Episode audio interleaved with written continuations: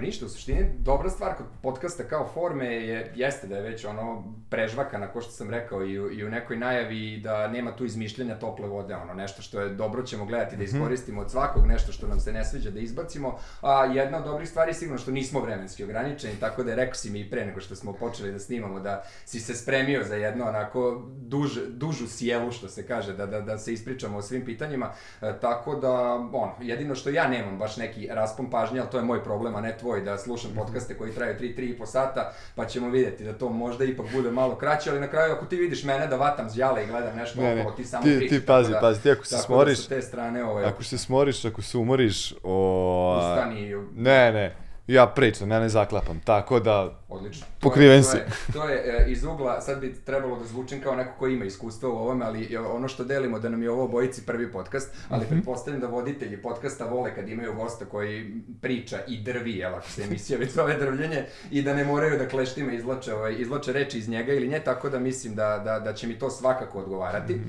E sad, ajde da napravimo neki uvod, e, da ne krenemo odmah sa centralnom temom zbog koje si došao i jasno ti je koja je u pitanju, ali da to kao bude malo spontanije, mada ništa nije spontano ako sam već rekao da ću to da uradim, a, a to je neki tvoj, ajde da kažem, background, mislim, ti si tu telepsko dete, šodroš, odrastanje, možeš li da mi kažeš nešto malo više, nešto malo više o, o, o tom nekom, ono, tvom ajde, ba, baš backgroundu, eto, kako sam rekao, odakle dolaziš, kako si živeo, pre, pre Survivora i ko je Branko? Ok, prvo ja sam Branko, geografski živim na novom naselju. Ajde. Ali to se nije rimovalo sa ono borba je prelepa, pa nismo mogu Da. kažeš Branko sa naselja ili neki drugi. Ne, ne, odrastao sam na Telepu, to, završio sam osnovnu školu tamo i kad smo pričali nešto, baš ista ta tema, kad smo se upoznavali u, u plemenu, spomenuo sam Telep i vlada je krenuo da dobacuju za mene Branko s Telepa kad, se, kad smo takmičili i to se zalepilo i to je ostalo i počelo kao interna šala i sad eto, ovaj, priča me vratila svojim korenima na Telep nazad. Jeste, tako ali da. pazi, definitivno mi imamo to ne, ne samo novosađeni, verujem u kom god gradu, delu grada da, da odrasteš, ostaćeš za njega vezan, ono ceo život, tako sam ja blokovac sa Limana, mislim, na privremenom radu na Limanu, Ti sa Limana? četiri godine, ali sam ono, se. born and raised u bloku, ovaj, tako da i dalje su mi tamo, ono, Mhm. manje više svi drugari i cela, i cela ekipa i neke društvene potrebe zadovoljavam tamo, ali ajde, ono, kao i ti što imaš e, veze sa naseljem, toliko ja otprilike imam sa Limanom, ostaćeš obeležen kao telepčanin, definitivno. Pa eto, šta možeš da mi kažeš o tom nekom periodu, najranijem tvog života, Hmm. ovaj, kako pamtiš Telep u vreme dok nije bila e, na, zgrada na svakom ćošku i dok je to izgledalo malo drugačije. A, u, sad, sad kad me vratiš Nisi, ko- pazi, nisi puno mlađi od mene, mislio sam da je još veća razlika, tako da tešit ću sebe da nisam puno stariji, blizu smo generacijski, sigurno pamtiš ono, neka vremena kad nije bio toliki urbanistički haos i pogotovo u tvom delu grada je odrastanje bilo, verujem, više vezano za prirodu, za ulicu, za Dunav, za Šodroš i tako dalje. Jeste, definitivno. Pa, prvo, zamislimo društvo u kojem nema interneta. Što si imao prilike Da. ne da zamisliš, nego da iskusiš relativno skoro, jel da? Da, da.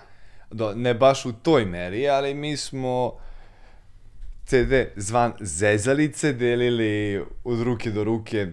Čak sam koristio floppy diskete u jednom trenutku. Ne dugo, ali to bukvalno govori kao da sam bio u drugoj civilizaciji u poređenju sa ovim smartfonima koje imamo sada. To se konkretno odnosi na, na mlađu publiku koja gleda ovo. Kao Gavrana da si poslao otprilike danas kad pričaš. Bukvalno, kao ono, kao jašni dinosaurus u školu. I posle toga, kad hoćemo da se družimo, šetamo ulicama, koje imaju puno zelenila, nema puno saobraćaja, futbol se igrao na sred ulice. Ako neko može to da zamisli, futbol koji sam pokazao kako igram, U, uze mi reči za usta. I verali smo se po drvećima puno, padali sa drveća. A, bežao sam iz škole da idem taj šodoš i tamo smo dosta vremena provodili u, opet na obali, priroda. Mm, zvali smo drugare, jako zanimljiv moment, tako što se deremo ispod prozora. Ja to nisam vidio godinama. To, to mi je ba, baš onako ostalo upečatljivo. fiksni, da li taj i taj može da izađe Da. napolje, jel tako? Sad ti skupi petlja, ako hoćeš da zoveš Baš matori, bumeri, ali dobro, nismo ni daleko. Bar, da. Čičak, gle brat ima. Ovaj. Meni možda se ne vidi u imanju brade koliko u nemanju kose ovaj, godina proizvodnje, ali okej, okay, ovaj, e, da. Šta sam teo, za, zašto sam negde krenuo na tu temu Dunava, Šodroša i to zato što je, eto, igrom slučaja zajednički prijatelj koji me i povezao s tobom i dao tvoj broj, rekao da te zna sa veslanja, pa sigurno je to negde obeležilo i neki obrast, odrastanje i ulaska u sport i uopšte ovaj, u, u celu tu priču. Da li si Uf. se time dugo bavio, koliko ozbiljno? Da, jesam, pa pred ulazak u sport imao sam punk band. Ajde. Da. Jeste možda još uvek aktivni? Ne znam da si čuo, postoji neki Blockstock festival tu u parku železničke stanice. Čuo sam. Slučajno imam neke veze s njima, možda bi mogli nešto da, da, da rešimo. Do duše niste mlađi od 29 godina, ali niste, niste ni daleko. Nemaš punih 30. Ne, još. Čoveč, ti si idealan za demo band za Blockstock. Još danas nam je konkurs. Aj si mi Ajde vidi nešto da, Aj, da, da, da rešimo, mislim, ovaj, pošto svakako ono što je sigurno je da će dođe brdo klinaca zbog, zbog tebe, ovaj, jer vidio sam, ajde, to je tema na koju ćemo se vratiti nešto kasnije, Aha. da su te saletali ovaj, juče, ovaj, e, objavio si na Instagramu u centru i doći ćemo i do toga kako se uopšte i da li se braniš, mhm. ali ajde, izviniš sam te prekinuo, našte mi tu priču o punk bandu. Ovaj, pa ništa, imao sam sklonost ka toj gitarskoj muzici, cijela ta jedna porodica, rock, punk, metal, još od ranog detinstva, sa 11 godina sam pred cijelom školom peo Mary Mansona. E, sad pričamo opet o Erika da u školi od 2-3 hiljade učenika ima nas petoro koje nosimo crne majice sa printovima benda. To je isto jedan od naj, na, jedna od najintenzivnijih uspomena koje nosim iz osnovne škole. Jožef I, Atila. Jožef Atila, no. tako je. I nakon toga se upoznajem sa veslanjem. Neko vreme sam gurao paralelno i band i, i sport. I moment kada, kada je kućno da odlučim šta će biti. Sad već jedno drugo treba da se ozbilji, provadalo je veslanje, nastavio sam kasnije u tom smeru i veslanje je moja prva ljubav. Koliko dugo si se bavio veslanjem? Punih šest godina. Punih šest godina. Takmičarski? Da. Takmičio sam, uspehe smo imali na državnom nivou, nisam imao, nisam, moji uspesi nisu napustili našu državu sa veslanjem. Uh, ali definitivno je sudarni temelji za formiranje moje ličnosti baš u veslanju, gde sam i upoznao da sebe i testirao sebe. To možemo pohvatao da je to negde otprilike do kraja srednje škole. A, krenuo sam sa veslanjem, 2006. godine sam osvojio prvu medalju i tada, tada računam da mi je to ovaj, da mi je to prva godina i do negde drugog srednje, drugi, treći srednje, tad prelazim na atletiku. I atletikom se bavim 7 godina, počinjem sa desetobojom, tu sam imao srebro na, na državnom i ne znam ko, ko, ko je još uspeh u samom desetoboju i nakon toga sam takmičio 400 metara sa preponama. Tu sam kao stari junior, junior opet imao srebro na državnom. Bio sam član studentske reprezentacije u atletici trčanje 5000 metara i kad se već pričamo o sportu, bio sam član reprezentacije u biatlonu, zimski sport. Eto, vidiš. Da. Je, jednu i po sezonu, tako nešto. Sad mi je, sad mi je, sad mi je negde jasnije, ovaj, e, kad stavimo ovu priču u kontekst Survivora, poligona i tako dalje, zašto si uglavnom dolazio prvi do onog dela gde treba da se pokaže spretnost i neko umeće s loptom i onda tamo ovaj, uglavnom stajao, da, ali definitivno mm -hmm. ono, si neko ko se u individualnom sportu i u fizičkoj, fizičkoj spremi ovaj, tamo, tamo dosta dobro pokazao. Ali vidim da si pored sporta, opet kažem, ajde, nisam hteo namerno, to sam ti rekao i pre eh, početka mm -hmm. snimanja emisije, da se mnogo raspitujem po selu, ono kakav je lik, ne znam šta mogu da očekujem od njega i Možda dobro što nisi. Iako se, iako se ispostavilo da imamo ono gomilu nekih što je logično za ja, ja kažem mhm. selo ovaj, zajedničkih drugara, ali prosto želeo sam ne samo ja, već i ljudi koji ovo budu slušali i gledali da te dožive pre svega kroz prizmu onoga što mogu da očekuju što su videli u, u, u samoj emisiji, znaš, i da ne formiram neku sliku koja je mnogo drugačija od te, zato što bi onda odudarala ta moja percepcija od one koju će imati ljudi koji ovo budu gledali, znaš, ali eto, vidim da jedan recimo od izvora informacija mi je bio tvoj Instagram profil koji je ajde otključan i na kom imam svašta nešto iz tvog nekog ono, dosadašnjeg života, pa vidim recimo da se bavio i glumom, ne znam, da li se baviš i dalje i otkud strast ka tome, kako si uopšte došao do toga? Mhm, mm gluma. Joj. I da li si u Survivoru glumio? Da li ti je pomogla ta gluma da ostvariš tamo neki utisak o sebi u od, drugačiji u odnosu na onaj kakav zaista jesi? Ostaviš, ne ostvariš? Karakteristično za mene je citati. Stanislavski gluma je istinito ponašanje u izmišljenim okolnostima, pa onda prepoznajemo izmišljeno ponašanje u pravim okolnostima. Tako da nisam koristio glumu kao oružje, kao instrument da postignem nešto, nego mi je više značilo da prepoznam fake ponašanje drugih. Kako u samom Survivoru, tako se time vodim i kroz ceo život. Glumom sam počeo da se bavim, prvo sam nastupao u školskim predstavama, opet u famoznoj Jožef Atijeli u, na Telepu, ali malo zbiljnije je to bilo u dramskom studiju Sonja Marinkovića. To sam i video. Da. Na, na, na to mislim kad kažem ovaj, da, Da. sam na tvom profilu da si bavio glumom i da ste i gostovali, nije to samo u Novom Da, Sadu, da. imali ste i predstave, ne znam, po drugim gradovima. Meni je najupečatljiviji uh, pozorišni festival u Lektašima koji smo imali, mislim da to baš posljednja godina dok sam, dok sam mogao toliko vremena da posvetim glumi. Ostao sam na amaterskom nivou. Imao sam par profesionalnih angažmana, sitne ulogice, reklamice i slično, ali umetnost bi mi se jako iskvarila da, da sam krenuo da jurim pare, pa da propuštam neke dobre uloge zbog toga što nisam dobro plaćen ili zbog toga što bi mi to narušilo, ne znam, neko dalje građenje karijere. Tako da mi je drago što sam ostao u tom underground, na tom underground nivou. Počeo sam sa glumom, verovali ili ne, u Sonji Marinković konkretno, da uvežbam poziranje za modeling. To niko živ nije radio, moja fanatična posvećenost, ali dobro.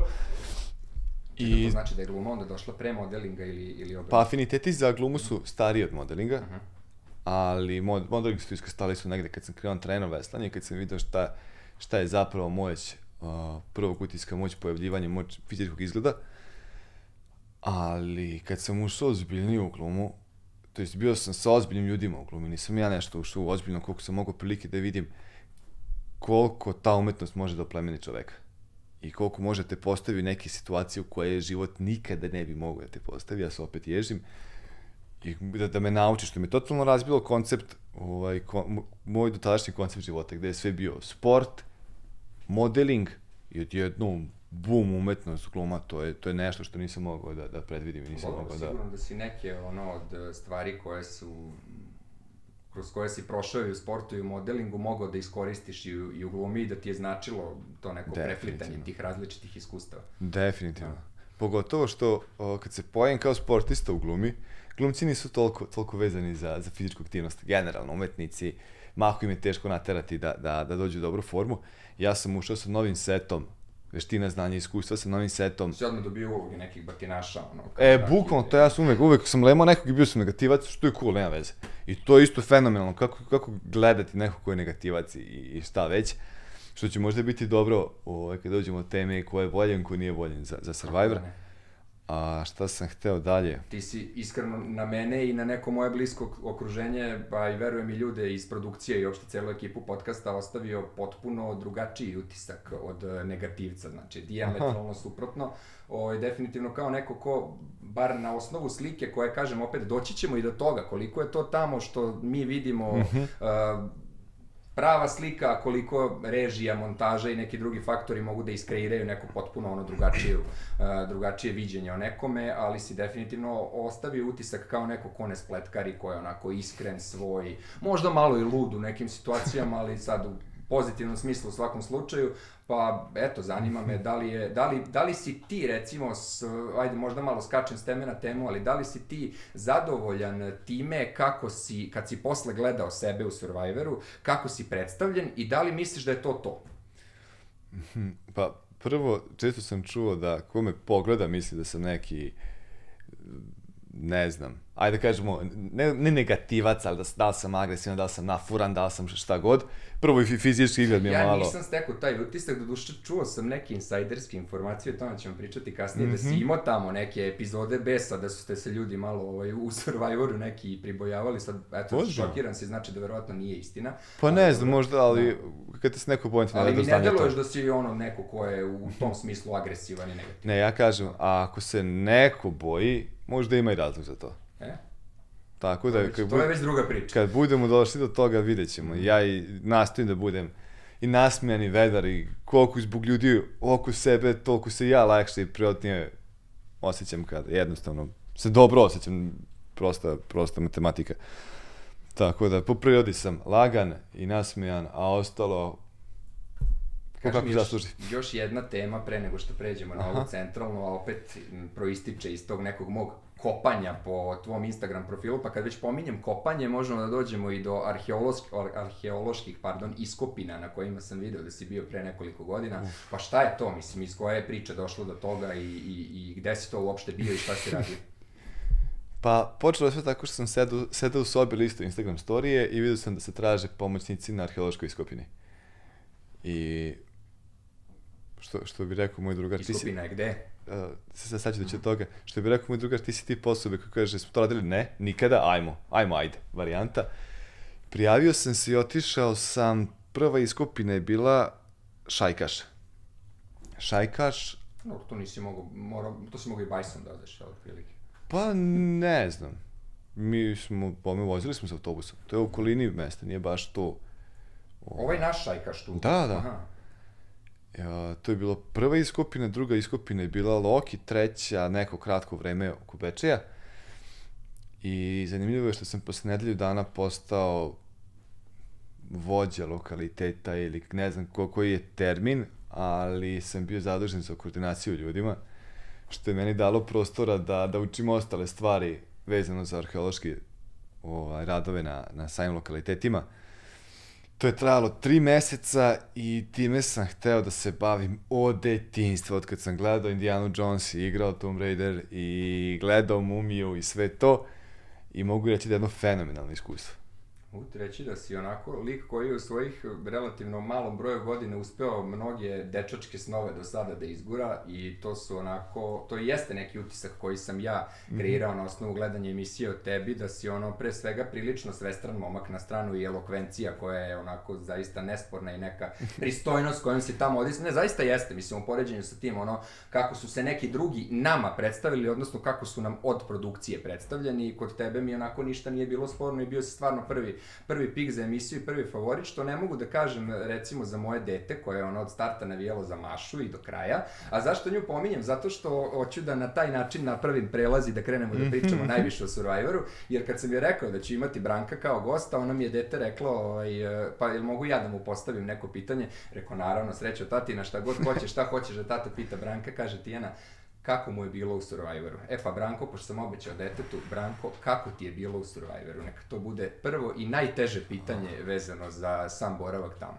Jer nekad je ta ono de, dečija iskrenost i, i, i njihova spontanost zapravo nosi ono i najkomplikovanija pitanja na koje treba dati možda i najteži odgovor. Jer je vrlo sveobuhvatno. Kako ti je bilo? Sve ukupno sada, kad složim utiske od slanja prijave do povratka kući, možda to još uvek i traje taj CA efekt i, i momena Survivora, ali sve mi je jedno fenomenalno iskustvo. Prvo, ceo taj proces pripreme, to verovatno ćemo se dotaći kasnije, Sigurno. me je podsjetio na takmičenje, na sportska takmičenja i tu sam shvatio da ja želim da se takmičim opet u nečemu. Momenat na samom ostravu je ja ne predstavim da sježim, to je ono kao, znaš, kad, se uzbudim previše, kad se naložim, kao, a, super saiyan. Ako neko gleda zmajevu kuglu. Yes. I o, moment gladi je meni bio fantastičan. Znači, to je nešto na što nisam mogao da se spremim. Znači, računao sam ja, ok, tvoj performans će opasti za toliko i toliko. Nema si šanse. kalirao?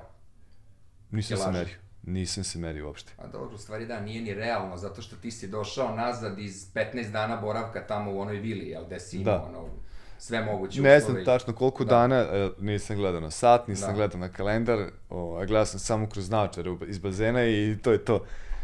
Ovaj, tako da taj moment gladi je jako dobar. Sada se, s- e, zašto to govorim? Neko sam ko favorizuje teške uslove i ko, ko veruje da se čovek gradi u, u iskušenjima, da se čovek, pogotovo muškarci, da se grade u, u neudobnostima i da sve krize koje proizilaze iz toga, makar to bilo čak i, neka, i trening može biti neka neudobnost u, koj, u kojoj se postavljamo, krize koje proizilaze iz toga su, su jako, jako bitne za upoznavanje sebe i izgradnju ličnosti. Spomenuo sam glad, moment kada nemamo ništa. Znači, na, najjednostavnije, opa, najjednostavnije, nemaš ništa. Ni kokus. Ok, evo ti koliko, šta ćeš s njime da radiš? I ne možeš previše da ga jedeš, jako težak za stomak. I jako lako izaziva stomačne probleme. I onda Dobro, jeste bar toga imali u neograničenim količinama? Mislim, ajde, kapiram da o nekim stvarima možda i nećeš moći da pričaš, ne znam kakav imaš ugovor sa produkcijom, ti gledaj da šta možeš, ono izbegneš, a ja ću sto puta da te smaram da mi ipak kažeš, ali ono zanima me koliko je to tamo i u tom smislu realno predstavljeno. Da li ste vi zaista imali da jedete samo ono lupam te dve kile pasulja što uzmete na nagradi ili ste imali ipak neki priliv ono da, da ne pocrkate od gladi ovaj, ukoliko se zaređa da vas plavi ne znam delju dve nedelje za redom za nagrade Kao što je jeste bilo. samo na kokosu ili ste na kokosu i ljubavi ili na kokosu i nečem trećem mislim kako to izgleda O, kokosa ima. Nema ga u neograničenim količinama. Raste tamo, nije svaki kokos jestiv koji se nađe. Ne, če, dosta su po, dosta da ti kokosa je pokvareno. kako znaš koji je pokvaren da ne pitaš Otvoriš, teži otvoriš. način ovaj saznaš ili ali nije, nije bilo tih, nije bilo slučajeva da sjedi pokvaren kokos je dovoljno, nas, dovoljno nas oteža i problema napravi i svež. Ne mogu da verujem koliko ta hrana ne prija na stomaku. Čak i kad se ono termički obradi, proprži, ne znam šta ste vi sve tim, s, ti- s tim kokosom radili, verujem da ste ono moguće. spremali na hiljadu i jedan način, mislim. Moguće da, da to i pogoršava samo. Mhm. Da pogoršava ovaj, te, to, tu sposobnost varenja kokosa. Mm, Spominjalo se, dobijali smo neke nedeljne zalihe hrane. Jo, jeste, da, da, E, bilo, bilo je to- to... Je, to je bilo nevezano za učinak u, u borbama, ili tako? To ste dobijali pa dobijali. Da, u suštini da, dobijali smo nekad je bilo iz, čak i smanjivanje toga. Koji je to nivo? Ajde reci mi, evo, uzmi mi prosečan dan kad ne osvojite nagradu. Mhm. Šta i koliko pojedeš?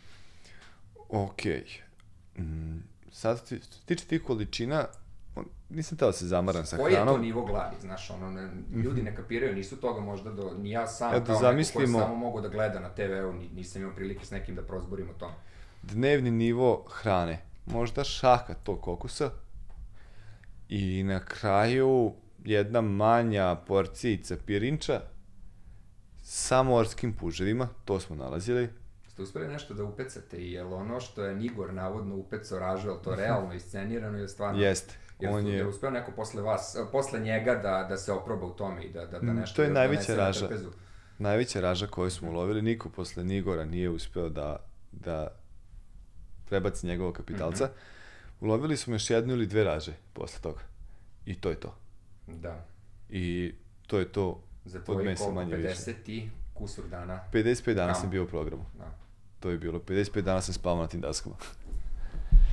Tako da, Ajde se vratimo malo unazad, e, preskočio sam jednu možda bitnu temu koju si ti nabacio i rekao da ću te pitati to u toku, u toku emisija, svakako da hoću jer mi je jedna od interesantnijih, a to je ajde sam taj proces selekcije. Prvo, ajde rekao si mi otkud ti, manje više otkud ti ideje i shvatio sam da si imao ono, afiniteta ka tome i različitih tvojih priča se negde sklopilo da je logično da si lik koji bi voleo da se u tako nečemu oproba, ali eto, jesi sam došao na, jel, jel te neko drugi prijavio, jesi se sam prijavio? Sam. Dobro. I druga stvar, kako izgleda taj proces selekcije? Znači, koliko tu ima krugova? Da li pored testova fizičke izdržljivosti za koje ne sumnjam da postoje, jer negde kapiram, ono, oformili su vam ekipu gde ste svi manje više fizički spremni, uz par likova koji su ubačeni da razbiju tu vrstu monotonije, ali negde ka prosek je neki difovac, ono, spreman kao puška zapeta, tako da verujem da je, da je tih krugova bilo dosta, a da li su i pored toga, s obzirom na, uh, ajde da kažem, neku strukturu oba plemena u, u nekom psihološkom smislu, da ga tako nazovem, da su imali različitih zaista profila ljudi, da li je bilo i nekih psiholoških testiranja, razgovora sa nekima, sa nekim ljudima iz produkcije koji se time bave, kako je to sve izgledalo, šta čovek koji se sutra prijavi za Survivor može da očekuje u tom smislu? Ok. Ne kažem da ću se ja prijaviti, jer mislim da ono ne bi definitivno daleko dogurao. Vidio pa sam mo- prijavni, a vidio sam prijavni formular i tamo piše ono, ne znam, jedno od pitanja šta je najluđe što si uradio u životu, rekao, nećemo ovo danas popunjavati, ajde, možda Yes, ja dan. mog formulara sećam od Dadoša. Mhm. Moj odgovor na to pitanje je tuku, tuku se s majmunima za banane na ulicama Indije. Ali, Ko je pobedio? ja, ali majmune sam stavio ono baš latinska vrsta da ne ispadne majmun kao ono, opisao sam nekog Arija da Da, majmuna, da. znaš, stvarno ono, majmun, našao sam koja je to vrsta, napome čopar majmuna kad sam bio u Indiji, ovaj, i tražio da mi uzmem bananu, ne dam, i to je bio moj odgovor na to pitanje. A, ja znam, moment kad mi druga rekao da je Survivor raspisao konkurs, ovo će zvučati čudno, ja sam znao da ja idem na Survivor. Znači, to, je, to su neki moji momenti, slično kao što sam imao u modi ili ne znam, u glumi gde već, gde da li se osvijem na intuiciju, da li kao samo go with the flow, ili je to možda čak neka viša stila ko, koju apsolutno ne bi isključio iz faktora da sam jedan od 35.000 prijava koje je poslata na Survivor. Znaš, će tek sad da bude. Da. 300.000. Minimum. Moguće. Dobili smo, dobili smo komentare čak iz Makedonije. Mi koji smo takmičili, znam za sebe mm -hmm. da sam dobio komentare i podršku iz Makedonije kao publike. Ok, prijava. Da, da se ne rasplinem previše, što mi je karakteristika. A, Vratit ću te ja gde... Poslao sam mislim da prijavu. Treba, proces selekcije je nešto sledeće što bi, što bi volao da čujem. A, poslao sam prijavu. Uzeo sam kombinaciju fotografija. Jedna je bila iz mom manekenstva, druga je bila gde sam ovaj, ja sam selfie iz zapravo jedan od omiljenih selfija koje ne volim toliko da, da, da pravim. A treći ti s podignutom pesnicom majmunu knockdownu, ono. da, ne majmun, majmun, ja, ako ja na gomili, znaš, ono. Ovaj, I da, i snimak sam izmontirao i to sam ga montirao do dva ujutro. Uh -huh. Da pošaljem prijavu. I onda sam poslao, pa ne znam da li stiglo, nije stiglo, pokušaj opet, pa zovi produkciju, ste dobili moju prijavu, niste. Pa dok sam ja našao ko je tu odgovoran za to, ja sam, rasprinuo sam se po svim adresama koje sam dobio vezano za Survivor, da budem siguran da je moja prijava poslata. Nakon toga, da li baš taj dan, da, par dana posle toga sam krenuo sa treninzima za Survivor. I to sam, uh -huh. odlučio sam da budem u top formi, mislim da mi možda to čak i jedna od najboljih formi koju sam imao u životu. Jer u svakom sportu kome sam se bavio, pik mi je bio taj sport, ali ovde mi je bilo više, više motoričkih sposobnosti da. ovaj, paralelno da se razvijaju, neki su i kontradiktorni, tako da i kao kineziologu mi je to bilo izazovno i divno da eksperimentišem sam na sebi. Tako da sam trenirao pet meseci za Survivor. Čekaj, U da li si tada znao da ćeš da ideš ili u kom ne. momentu oni tebi kažu da si prošao ili nisi prošao? ja nisam znao da idem na Survivor. Mm -hmm. I imao sam opciju da imam priliku i ne budem spreman za nju ili da budem spreman, a nemam priliku. Dobre, Treniram u najgorem slučaju, u najgorem slučaju će biti u formi. Sjajno. U tih, koliko je to bilo, ajde da kažem, zaokružimo tih pet meseci, mm, prvo je bila selekcija prijava. Dobili smo poziv za prvi krug castinga, nakon toga smo imali poziv za drugi krug castinga, pa treći krug castinga, pa smo imali neki sastanak gde su nas selektirane pozvali, nakon toga smo, ne, ne, ne, ne, taj sastanak je išao posle. Pre toga smo imali a, test fizičke spreme, sačinjen iz dva to dela. To da te pitam, da. Da li su vam pravili neki poligon kao Jesu. ono Tribalion, Invictus i te varijante, ne, ne, ne. ono trke s preprekama, da liči na poligon na Survivoru, pa kao ko brže prođe ili uh, ono neki klasične mhm. vežbe izdržljivosti, snage, trčanje. Ne, ne, ne. O, poligon svestranosti nije mm -hmm. bio proporcija kao te uh, trke sa preprekama, mm -hmm. spomenuli smo Invictus, ili Tribalion, koliko da. je već. Pa to mi je palo na pamet. Video sam samo slike, nisam učestvovao da. u ta, tim vrstama trke s preprekama ali video sam o čemu se radi, nije bilo tih proporcija, ovaj, tih proporcija taj test. U rukometnoj sali kao sali za fizičko se rasporede rekviziti, gde će oni moći samo da, da vide da mi posjedujemo, ovo sad nije informacija koju smo imali, nego je moja, moja lična, moj lični doživljaj. Da vide da informacije, da motoričke informacije koje mi posjedujemo mogu da, da zadovolje potrebe koje će se naći na, na Survivoru. I to je bilo agilnost, preciznost, brzina. Merili su nam vreme, ali uh, selekcija nije bila normativna, nije bilo, nisu nam bili plasirani i kako je nama rečeno da vreme poligona neće, neće biti presudno. Uh -huh. uh, rezultate fizičkog testa nismo videli, čak smo i informisani da nas to ne, da nam to neće biti presudno. Što smo na kraju videli bile je stvarno devojka koje nisu bile sportski nastrojene. Što ali, mi videli. I momaka, ili bilo neko koji je bio baš onako... Pa dobro, ne računajući, ajde, ove, uslovno rečeno, ako ja ikom smem da kažem da je matorac, ali ove koji su, ajde, i stariji od mene, ni gori, šta je znam, no. mada Ramiz je bio Pazi, onako, pazi, da. Solidna momčina za, za, za da, svoju generaciju. Da, da, da, ne, nešto što no. on, ako mi budemo izgledali kao Ramiz njegovim godinama, fantastično. Međutim... Budemo doživeli Ramiz. Međutim, ono što malo ljudi zna, ja i Nigu smo barali ruke. I? Okej, okay, dobio sam, pardon. Ali ne baš prelako, a? Ali pazi, ako mi budemo u formi kakav je, kakva je Nigor u tim godinama. A ste obojica dešnjaci ili je ono tu neki kao, da je on levo, Ne da je ti bilo deš, le, levo, levo, desno, Da. ali ono ja, razumeš, ono, ego triper, a nema već, sad ću mi da obaram ruke, sad ću ja da zvizdim pečat, krenem, ono, brate, nije, nije ni lako la- ražu loviti, Čekaj, znaš. okačio si sliku, čini mi se, na Instagramu sa Stevom. Sa Stevom, Jesi da. ga dobio? Naravno da nisam, ali sam ga isprozivao. Nisam, nisam ovaj. te očekivao, ali je po objavi delovalo kao da si ga dobio i rekao onda, ono, to mi je bilo malo. Ma ono, ti će čo, čovek koji jednom rukom diže mene na bench pressu, razumeš, ono, ovaj.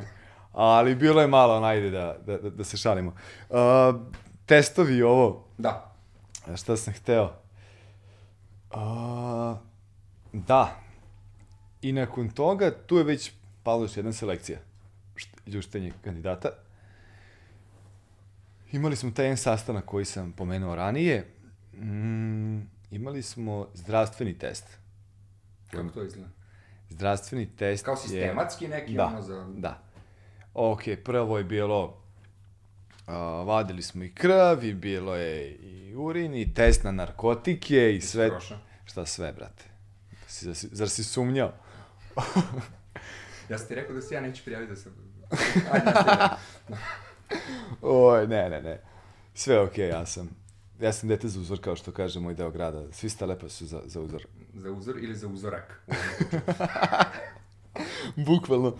I što sam hteo? Da. Da, zdravstveni test, ok, ortoped, čisto da vidi da, da nekom neće da ispadne prsina na poligonu ili da neće ostaviti nogu negde usput. I imali smo test opterećenja koji je meni u posebno drago sećanju.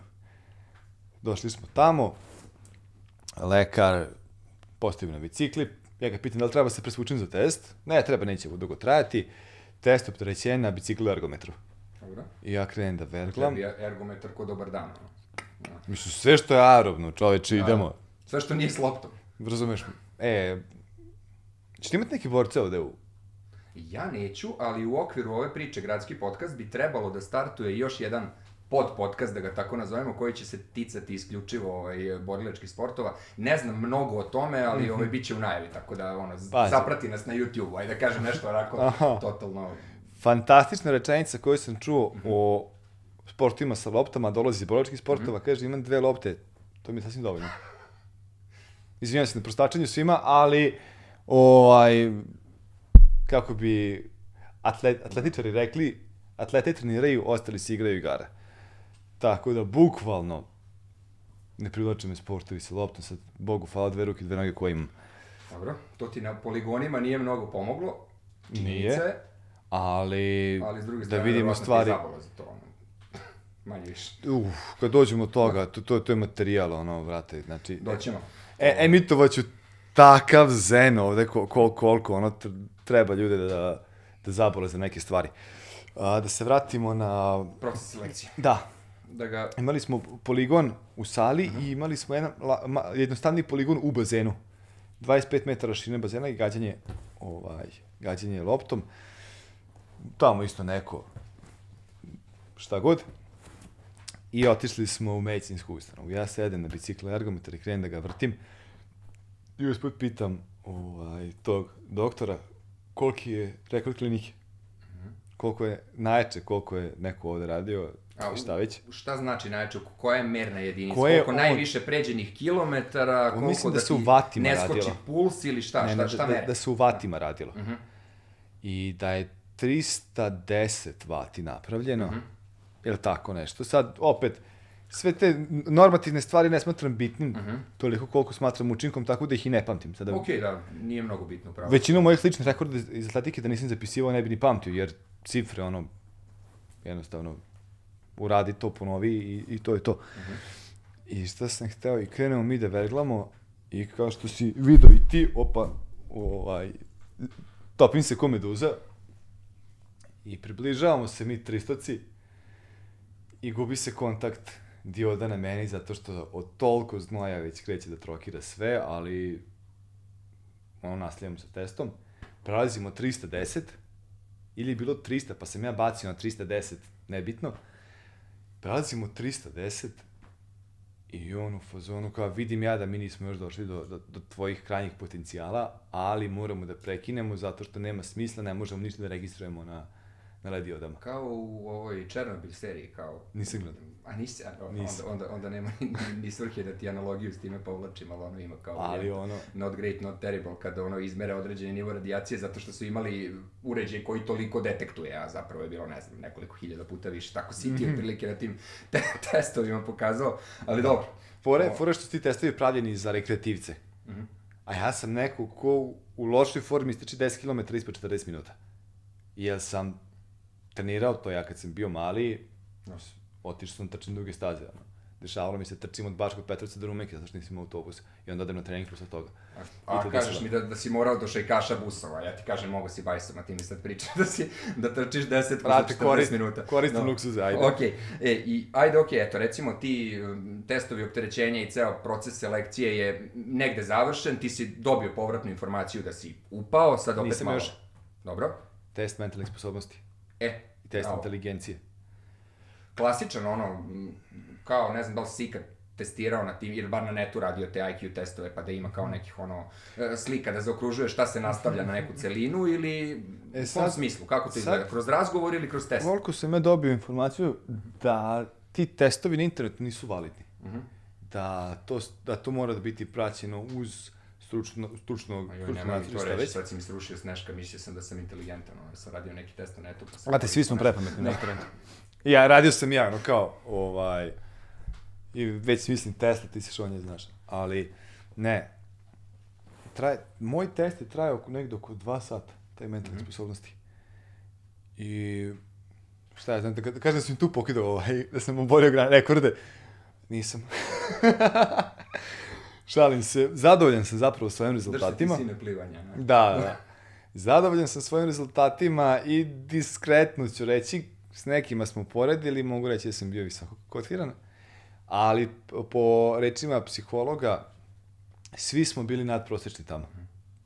Znači, Dobro, kogod šta kaže... I ostavili takav utisak, ne mogu da kažem. Neko je bio ono više dopadljiv širim narodnim masama, neko manje, ali ni za kog se tamo ne može reći da je ono Pavlu, mislim, zaista. Evo, zanimljivo pitanje.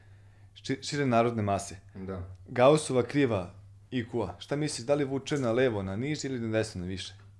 Da, nemam pojma na niže, kapiram, a? Da. Ok, šire narodne Da. mase. Okej. Ono Ovo- kao, ja ću, ja ću fasovati hejtove. Ovo smo učili na psihologiji na predavanju treće godine Fakulteta sporta i fizičkog vaspitanja pod lekcijom inteligencija. Selektiran sam.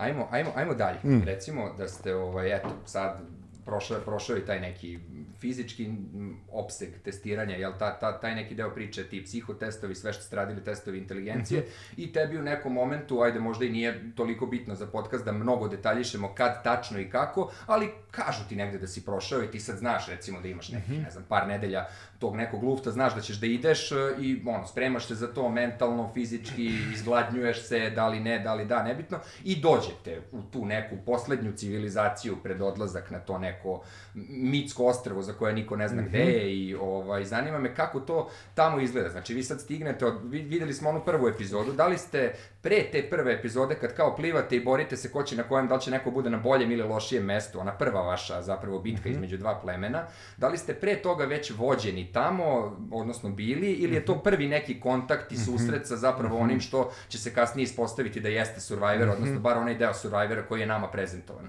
Znači, taj neki prvi tvoj dolazak tamo, kako si percipirao, kakve su ti bile emocije, um, eto, kreni odatle. ovo su utisci god mogu na nekoliko nivoa. Prvo, zanimljiva stvar. Niko nije znao da sam se ja prijavio na Survivor. Prijatelj koji mi je ja rekao da je Survivor raspisao konkurs, ja mu nisam rekao da sam aplicirao. Moj rođeni brat nije znao da sam ja aplicirao, moja sestra nije znala da sam aplicirao, moj ćala nije znao da sam aplicirao, znala je mama, devojka i... Šta kao rekao si, ideš na Zlatibor, pa ste videli na TV-u ili koja. Samo pre, pred odlazak bratu sam rekao, dao sam tvoj broj telefona u slučaju, šta ja znam, ono, hitan kontakt. Da. Ako te budu zvali s televizije, da, ovako sam rekao, ako te budu zvali s televizije, dao sam tvoj kontakt kao za hitne slučajeve. Kakve televizije, šta već, ja idem na Survivor.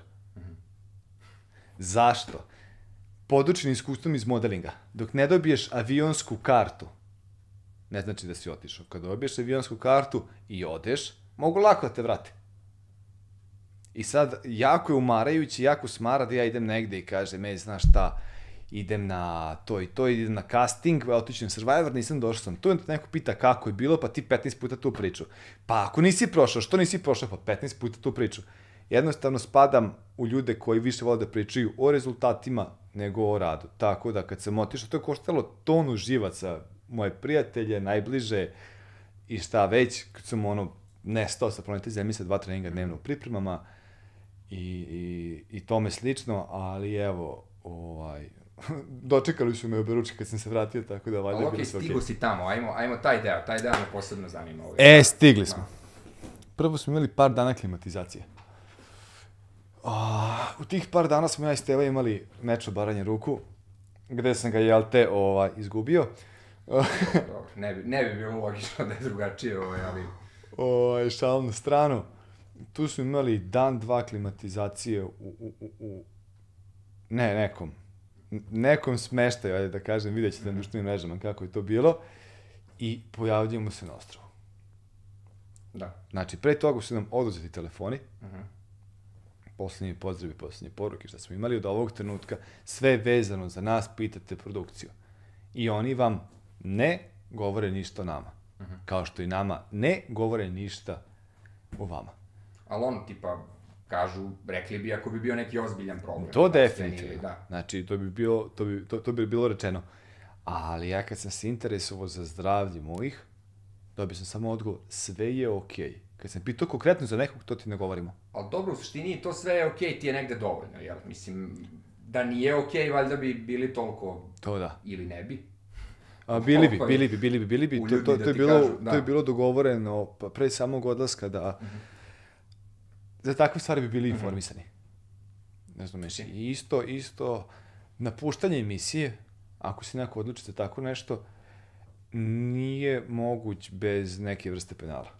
Prvo što bi sam snosio troškove Finansijskog prepuštenja, da. da nazad i, i, i sve ostalo slično tome. Tako da ne može se ti tek tako napustiti emisija.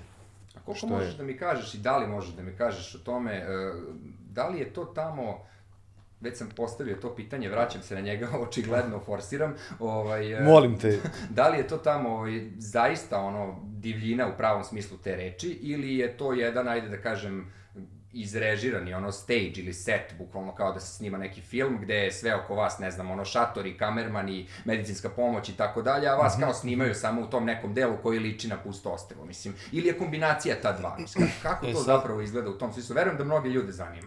u samom kampu to jeste tako. Da li vas snimaju 24 sata ili vam kažu, e, ono kao, vide vas da blejite, kreće neka tema i dođe njih trojica sa, ne znam, onim stativom, kamerama i kažu kao, e, sad ćemo malo da vas snimamo, ajde se malo posvađajte za, za, za predstava za javnost. Ili je, ili je opet i to kombinacija, znaš, ono, eto, šta možeš u tome da mi kažeš, reci mi ako ne možeš ništa, teramo dalje, bože moj, mislim, ali je sigurno jedna od nekoliko pitanja, koje, jedna od nekoliko pitanja koje će biti ljudima najinteresantnije, kako zapravo izgleda život tamo, uh, kad se kamere ugase, ako se uopšte ugase. E sad, bili smo svesni nekih kamera. Uh -huh.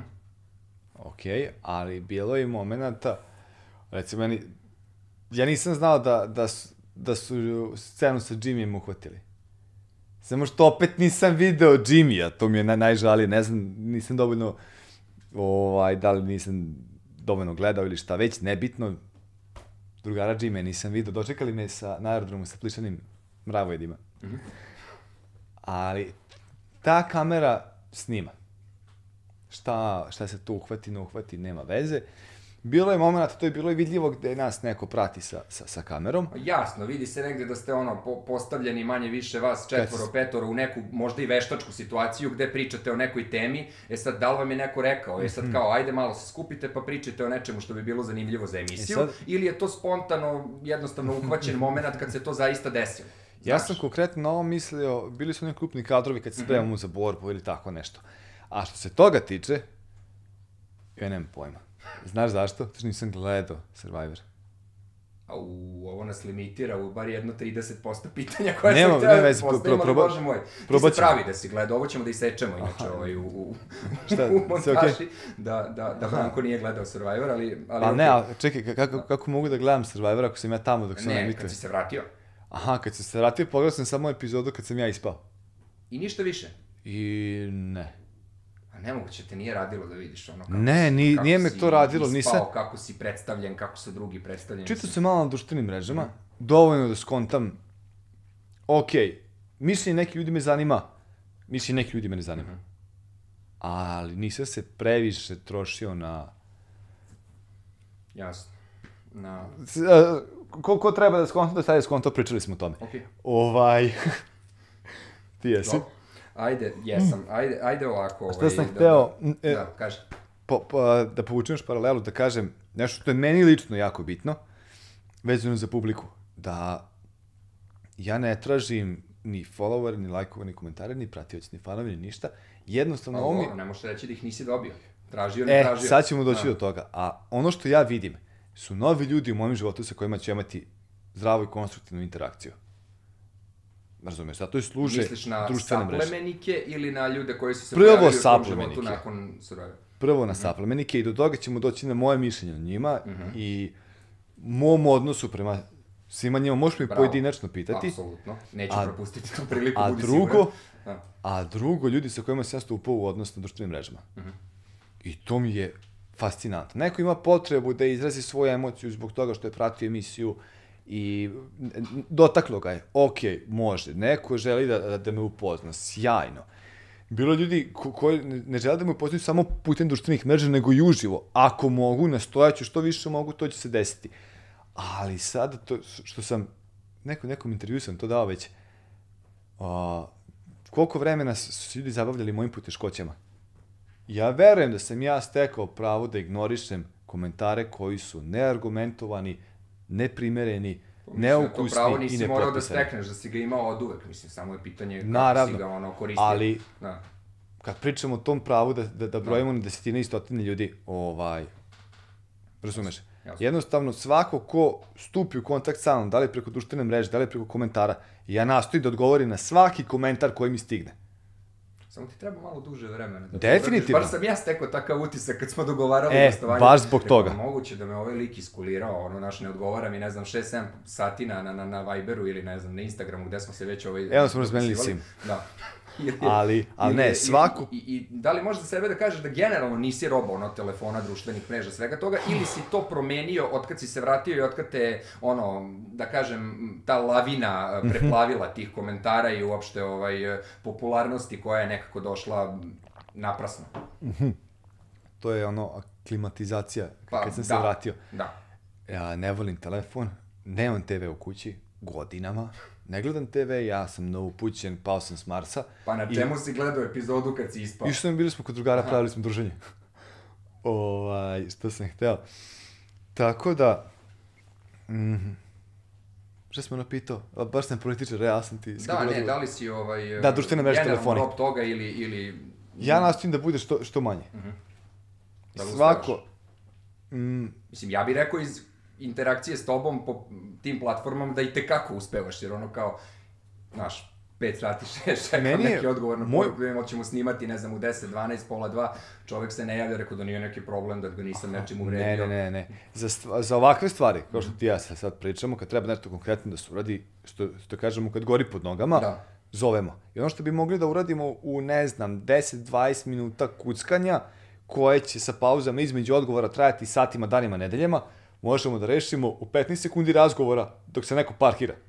To je tačno. Razumeš? E, zbog toga, ovaj, dok Ali nismo razmenili me- sim... Isekao si me, boga mi, momački sa time da, da, nisi, ovaj, da nisi gledao sebe ovaj, u, kasnije kad si se vratio. Pričali su mi vraćao, moji, ovi koji me poznaju, koji mogu da pretpostave sa velikom sigurnošću kako bi ja reagovao, šta bi ja mislio, su gledali, tako da, da Mhm. možemo iz te prizme da, da odgovaram na pitanja.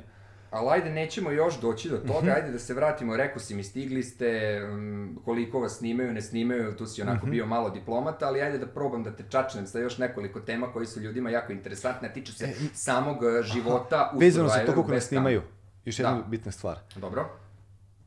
Da kad dolaze moment da ćemo mi biti snimani i dolazimo do igara. I sad će sve to uskoro da počne, nas stavljaju u šator i ne vidimo ništa. Mhm. Osjećanje od, od civilizacije, imamo ljude koji, koji nas nadziru, Mhm. da li reporteri, da li ljudi koji su baš za to i koji se brinu da mi ne dobijemo informacije ili da ne, vidimo, kako god to da nazovem, ono što ne treba da vidimo. To je neka ono psihološka priprema za poligon ili... Kako god. Mm. Tako da, igre, tek kad dođemo na, samu na sam set, na samu igru, tada ih vidimo. Jasno. Kad smo bili u brodu, nismo znali E, da ćemo da kada ih skačemo. vidite? Da li imate, za, evo zašto te pitam, stekao sam utisak da svaki od tih poligona vi, čak i one koji imaju malo komplikovanije zadatke u smislu zastavica nekih da pokupiš, da negde treba malo i da mućneš Mhm. glavom, a ne samo da ga protrčiš, da ste svi negde od tog prvog boda manje više upoznati i spremni na to. Da li ste do tog nivoa ono inteligentni ili vas puste da prođete malo taj poligon pre nego što krenu da vas snimaju? Ne puštaju nas da prođemo poligon onda ste se prilično dobro snalazili, mogu ti reći, svi, svi do jednog ovaj, I u, ta, u tu Ja formulu gledam, računaš padanjem nesvesta od zalutao gladi. bar pet puta na nekom od tih Pa poligona i uradio na... Ali ne toliko često. Pa pazi, kad, Moj utisak je ne toliko to ti je često. glavni brzo ste fokus. vi to prelazili, da. Mhm. Glavni fokus ti je da, da ti rešavaš te poligone tamo. Mhm. U toku dana manje više šta ćeš jesti, ako ćeš raditi nešto po kampu i poligone. Da. Tako da dolaziš i čak sa svim onim stanjem gladi i padanja u nesvest kojeg je bilo, ne znam, li bilo na kamerama, i vrućine i šta već, ti si ovaj, na poligonu. Okej. Tako da, ovaj, faktor iznenađenja nam je bio često prisutan. Ali ajde još malo pre poligona, ovo, održavanje lične higijene. Reci mi, deluje mi ovako, ajde vi momci ste ono, zarasli ko je mogo da zaraste, ko je ćosav, taj je ostao ćosav, ali u principu, ovaj, što se tiče devojaka, imam utisak da su sve bile prilično negovane, pazi, to je 70 i nešto dana, ono, znaš, ni, ajde, po- okej, postoji i ta kao neka trajna epilacija ili kako se to već zove, ali ja znam kad je, ne znam, moja supruga išla na to da je morala da ide još 3-4 puta nakon toga, ili sad bi trebalo ono da naprave meni kao umesto glave lizalicu ili magarca, ko zna gde ti je žena išla i na što je trošila pare, ako se to odjednom samo reši, ali bez obzira, hoću da kažem da ne verujem da su mogle baš tako da se spreme od tog momenta kad im je rečeno da učestvuju u Survivoru, pa do samog Survivora, da im nije potreban ono brijač, brate, znaš, tako da zanima me prosto koliko su vas puštali, ajde, manje vas, više njih, mislim na, na, na devojke, jel, da ipak na neki način ono budu negovane i brinu o ličnoj higijeni, jer ja stvarno nisam stekao utisak da se jedna od njih tamo nešto zapustila, znaš, i Ok, prvo, tvoj došljav devojaka, to ćeš ti sa tvojom ženom da rešiš? Dobro. Šalu na stranu. ona mi je rekla da te to pitam, tako da mislim tu Aha, neću imati problem. da, ovaj, ali, ali šalu na stranu. A, ja nisam tamo video. Mhm. Verovatno su oni imale neke pripreme pre nego što su otišle. Da. E sad, pazi, ja sam gledao i ne, neke scene iz Survivora, ko, ko, grčki, turski, koji traju šest meseci. Mhm. I videla se, i videla se kod njih razlika Znaš, ovde nakon nije... nekog vremena. Da. Dobro, ovde je i manje dana, ajde, ako ćemo realno, nije isto dva meseca i šest meseci, ali opet bi trebalo... Plus što je jedna moja da se- poznanica iz Indije u grčkom Survivoru u isto vreme kad sam ja bio u Survivoru tamo. Eto. To, to je moment. Vidiš, te Indije se nismo uopšte dotakli, ali bit će prilike. Ovaj, Da, i, i za da. castinge i za, za modeling, to, to, Sigurno. to sam isto rekao, ali pff, ne, želim- ja ne, ne želim nigde se ne znam tebe. Apsolutno, apsolutno. E sad kažem, e, imao sam ovde jedno zanimljivo pitanje, ako, e, da mi kažeš utisak posle kada si gledao sebe, pošto nisi, to ćemo negde da, da preskočimo. Nisam sve, nešto jesam. Mhm. I imam utisak u tome. I kakav ti utisak? Makar na osnovu te jedne epizode. Nije, nije Da li neko ko gleda to Mhm. može da kaže, e, ovo je, da li ti možeš da kažeš da za nekog ko to gleda, e, video je Branka kakav jeste Branko, ili ono Mhm. video je lika koji se predstavio u potpuno drugačijem svetlu od onoga kakav je zapravo. Dobro, vezano na sve moje... Meni recimo, moj lični utisak je na osnovu ovih, ajde, Mhm. plus minus koliko, 40 minuta razgovora plus pauze vamo tamo, da si ipak spontaniji lik nego što sam te tamo doživljavao. Ovo, to je jedna stvar. A šta ti misliš? Pa, sa svim onim sklonostima koje sam spominjao, Mhm. a, sport, gluma, modeling, muzika, arheologija, više ne, ja ne, ne držim konce, svako ko me upozna u toj sferi će reći neku, ne, ne, postojeće neko stupanje u, u, u opisu tome šta Mhm. sam ja. Ja ne mogu da, da, da budem odgovoran za to kako će ljudi mene da doživljavaju.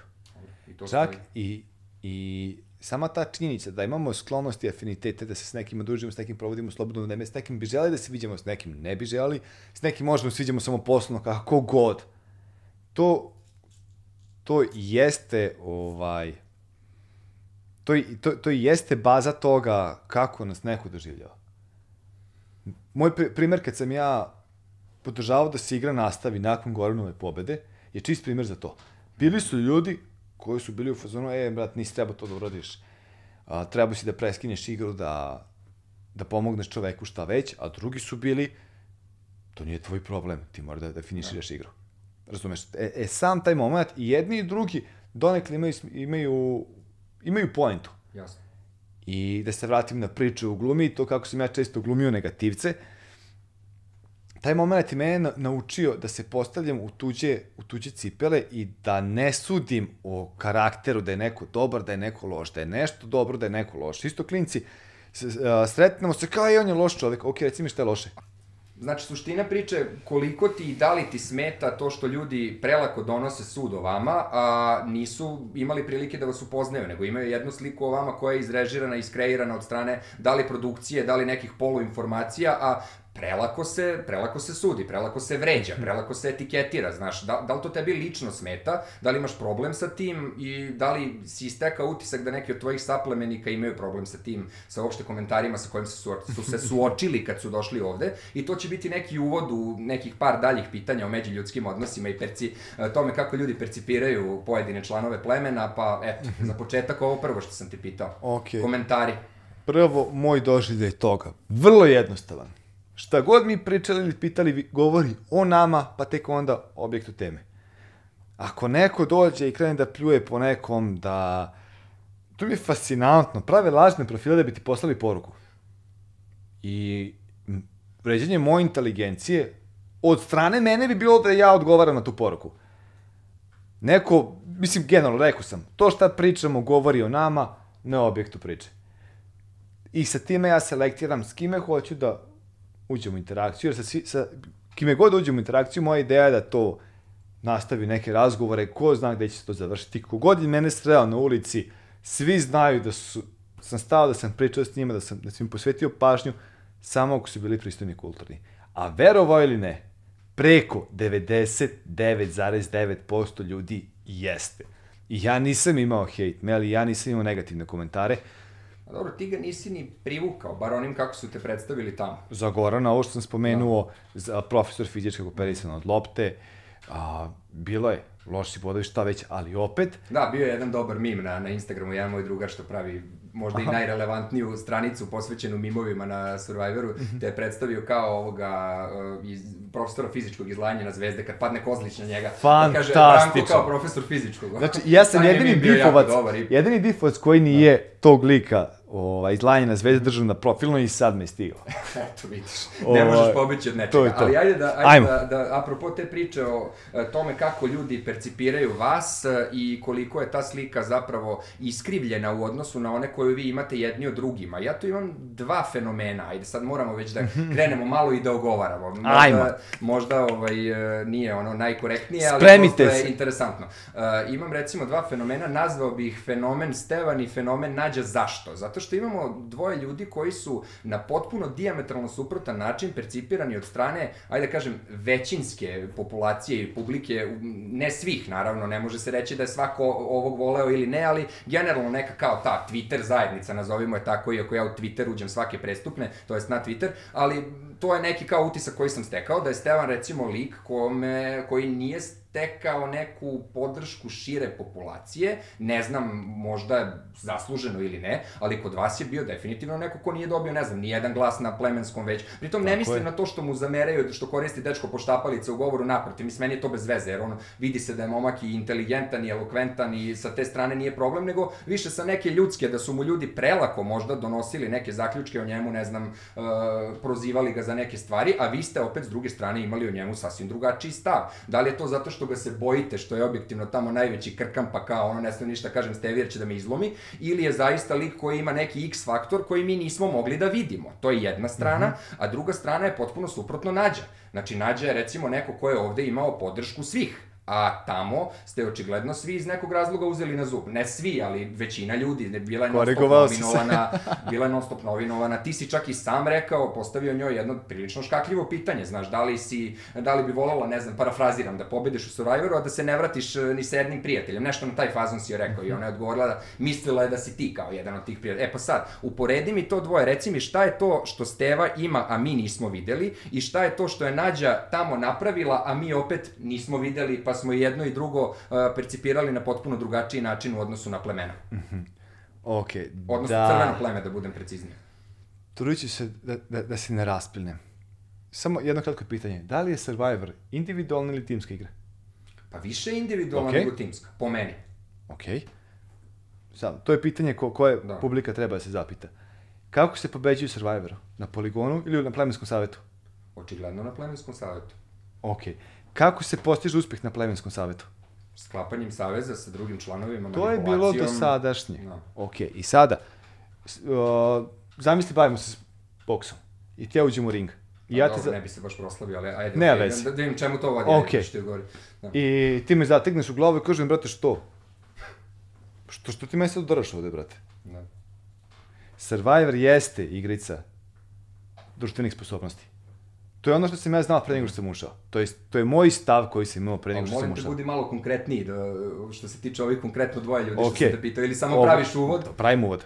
Znači, to imamo prvi faktor, gde si ti, oti, ti ne možeš da plivaš da se ne pokvasiš, ti si otišao u igru gde se igra strateški, gde se igraju društvene igre i da ti nešto smeta. Moj lični stav. Tako da ja ništa nisam glas, ni- ništa nisam, uh, ništa nisam doživljavao lično. Moment, kad glasate za mene, glasajte.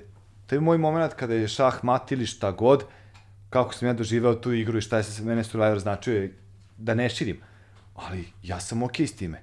Ja sam priželjkivao i želeo sam da na kraju da na kraju Survivora stane pojedinac i kaže ekipa, ja sam vas sve izigrao, ja sam bio pametniji od vas, ja sam vas izmanipulisao i zbog toga sam ovde sam sada. Ja bih rekao, svaka ti čast. Da li misliš da si uspeo u tome? Šta? Da to uradiš?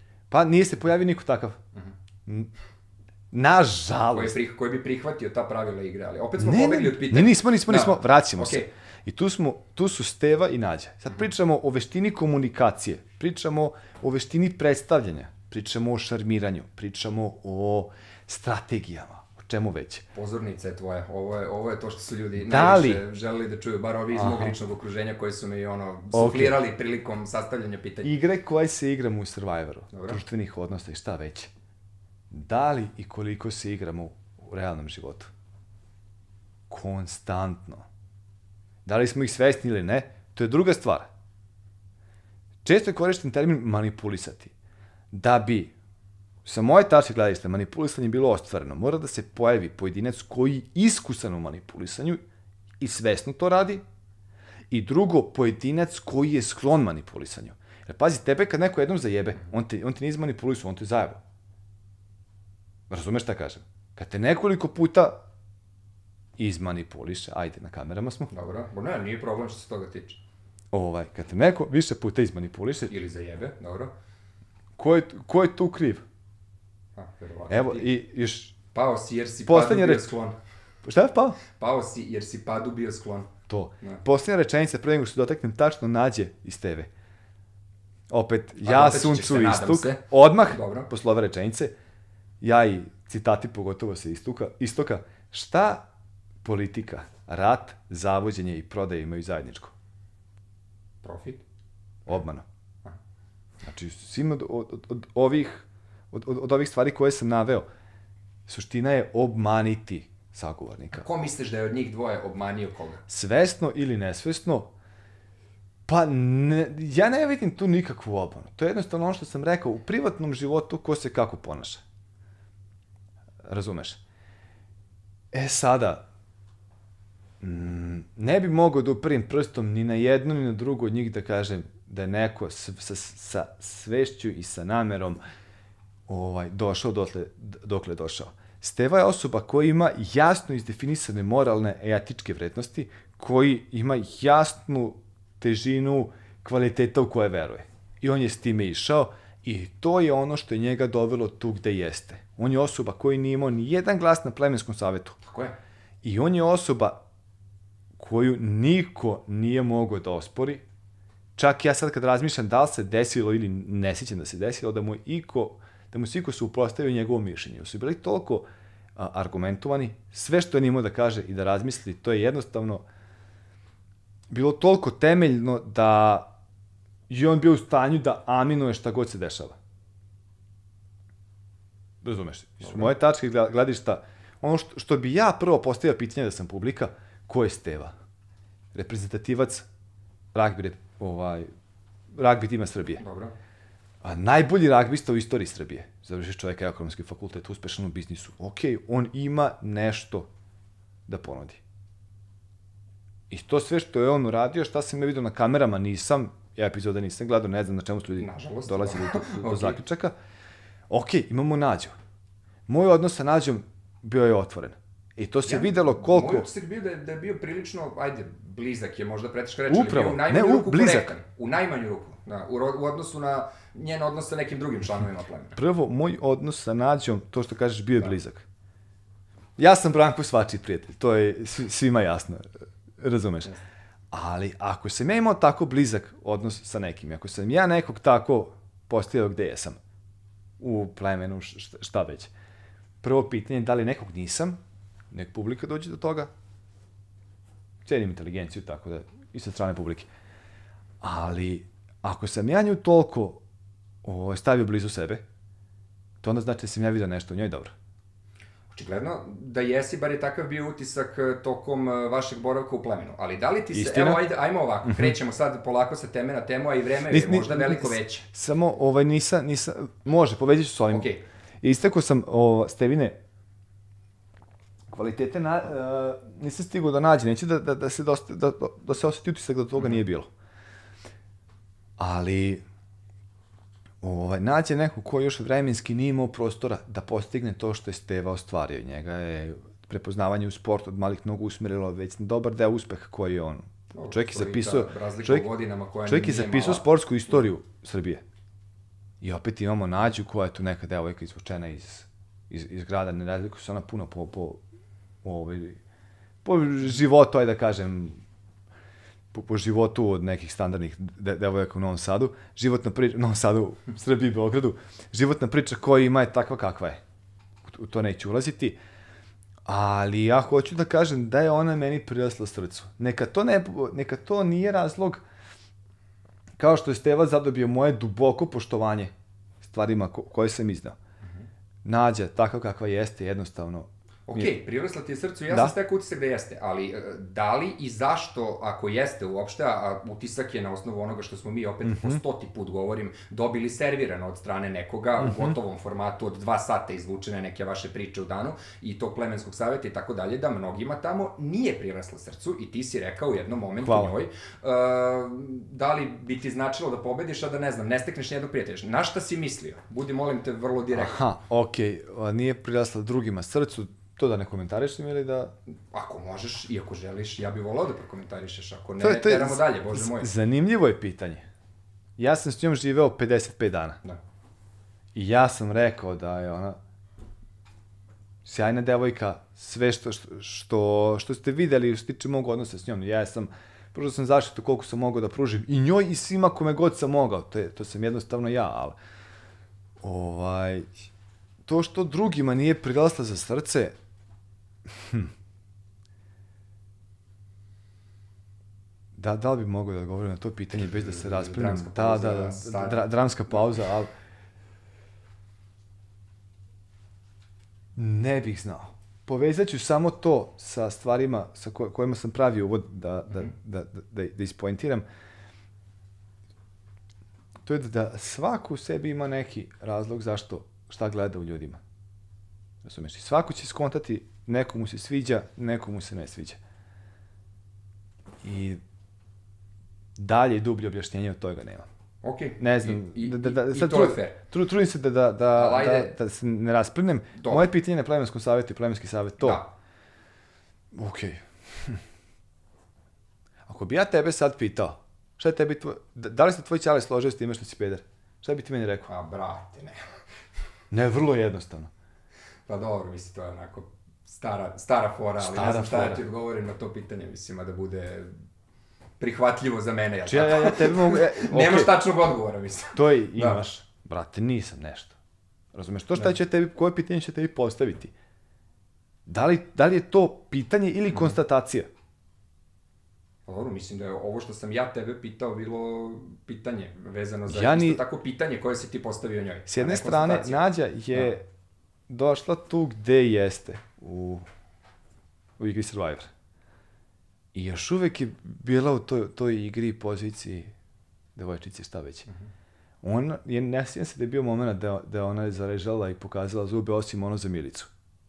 A dobro, to nije bila mala stvar. Bar ono nama koji smo to gledali, Mhm. znaš, trebalo je imati određeni nivo muda da to uradiš. Bar je moj neki utisak takav. Ja sam iskreno očekivao da će ona zarežati za men, na mene. Mhm. U tom momentu. Šta sam ja govorio kad sam pisao nominaciju? Kada dođe vreme, sve će ti biti jasno. Da. I često si pitao šta smo videli na kamerama, šta nismo, ovo ono. Kad dođe vreme, nađa, tebi će biti jasno. Neće biti jasno twitterašima koji će Niti, moći da... nažalost, gledalo, gledalcima ovoga drvljenja i gradskog podcasta, ali dobro, bože moj, teramo dalje. Ok, apropo cele E. priče o međuljudskim odnosima, uh, da li misliš da prijateljstva tamo koja ste stekli ili navodno stekli ili zaista stekli, mogu da budu iskrena? Zašto te to pitam? Videli smo dosta suza, plakanja, neko bi rekao ono što kaže ova današnja mladež kao cringe, sam si rekao da si tek skoro skapirao šta ta ovaj, reč znači, nisam ni ja baš neko ko je ovaj, mnogo mlad i ko se sa time ovaj, mnogo susretao, ali ajde kao, kapiram neki transfer blama, kako god, kad vi uh, plačete, pokazujete previše emi, emocija u situacijama koje mi kada gledamo, a koje imamo svoje, ono, znaš, kao živote, odeš na posao, ne znam, radiš 10.000 stvari, vidiš svoje dete, vamo tamo, i onda pogledaš dva sata nekog Survivora i tebi je kao ono, transfer blama ili cringe što tamo neko plače. A s druge strane, vi ste ljudi koji su tamo, brate, 50 i nešto dana, 70 dana upućeni jedne na druge, bez telefona, bez interneta, bez bilo čega drugog. Tako da opet kad sam mm, pomislio da ti prvi put postavim ovo pitanje, uštinem se pomislim pa možda i jeste tako, ja, znaš, jebote, možda oni i nisu glumili, nego je zaista ta emocija koja te tamo u kombinaciji sa glađu, sa, ne znam, uh, poljuljanim međuljudskim odnosima, činjenicom da ste upućeni jedni na druge, samo da ne možeš da se čuješ s kevom, sa devojkom, sa detetom, koga ima, uh, uticala da, da, da te emocije zaista budu iskrene. E sad, reci mi, tvoja neka uh, percepcija celih tih uh, cele te priče oko emocije u Survivoru i prijateljstava, jer s druge strane, i time zaključujem ovo vrlo dugačko i opsežno pitanje, za koje sam i sam izgubio nit kako sam ga počeo. Ja pamtim. ok, odlično. Je, je, je da li pardon, e, e, da li, e, da li je to iskreno u smislu kad smo videli da se nekom kad dođe pitanje ličnog dupeta, opstanka u plemenu, plemenskog saveta i tako dalje, često se ta instant prijateljstva iz kesice gurnu u drugi plan i gledam da sačuvam sebe i da teram dalje. Izvoli. Okej. Hm, prvo za emocije. Da. Jedna stvar je kap koja je prelala čašu, a druga stvar je puna čaša. Mao Te Cung, hvala dnevnjaku, ali, ali ne, jedno je to šta je nama ja na... odlučujem o tome, ko, da ulazimo u boju tamo koja je sila kojem... Da, Ali pozdrav inače Mao. celu tu ekipu, mislim da im je ekstra klip, tako da... ovaj, Fantastičan. Da. Ovaj, Mao Te Cung. O, jako puno, jako puno emotivnog tereta se stekne tamo. Prvi sam, ja ono, Sigurno. ono što sam spomenuo, kad nikom nisam govorio da idem i koliko je tu bilo, ljudi su ljutili na mene što se nisam javljao, da si što si nestao, ja se premem za Survivor. Drugo, pojavili smo se tamo. Ne možeš da proveriš kako ti je dete. Ne možeš da čuješ kako su ti bližnji. Ako ti je neko bolestan, ne možeš da saznaš to. Spavaš na daskama, pa ne spavaš, pa ne jedeš. Sve to puni čašu. U mom slučaju, to ono samo čujem, mamina pitaj, kad sam vidio njenu sliku, Odnijela. sav, sav onaj, šta se rekao, odjeva? To, sav onaj da. trip, samuraj, ratnik, jak si pao je u vodu. Što tiče emocija, i drugo, glumački. Mislim da je to tako jednostavan zadatak da to neko iznese tek tamo. Pa mislim da nije, da, zato, sam, Tako zato da. Mhm. sam se i sam ono resetovao i sam sebe korigovao u toku postavljanja samog pitanja, da je vrlo moguće da je to zaista tako, Mhm. ali ajmo onda ako smo ustanovili da jeste tako i da je najverovatnije ta Mhm. emocija bar u tom trenutku iskrena, ajmo onda o prijateljstvima. Da li misliš da su prijateljstva u Survivoru, makar to što smo mi tamo videli, iskrena ili je to ipak ono, igra svako za svoju guzicu? Šta tumači, šta formula prijateljstva je zanimljiva tema. neko će ti pokazati ko je čovjek i šta je čovjek u sekundi poznanstva kada ga vidiš u kriznim situacijama, neko ti to neće pokazati za ceo život. E sad, neko ti pokaže... Ko ti je pokazao odmah ko nije za ceo život? Ko misliš da ti ne bi pokazao Divno za pitanje. ceo život? Svi su mi pokazali sve odmah. Baš ovo što sam hteo da, da, da pokažem. A, da kažem, izvini. Mm, neko će ti pokazati koji šta je kad se boji, neko će ti pokazati koji šta je kad se ničeg ne boji. S obzirom da sam ja tamo bio neko ko nije imao dignut gard, koji je bio totalno zen, totalno dobar prema svima, ljudi nisu uopšte imali strah od mene. A od koga jesu? Divno pitanje. Da, da li opet su imali strah? Stani, stani. Pa vrlo verovatno hoćeš. Vrlo verovatno hoćeš, jer kad, kad bi rekao da, da je neko imao strah od nekog, spominjao sam Stevu.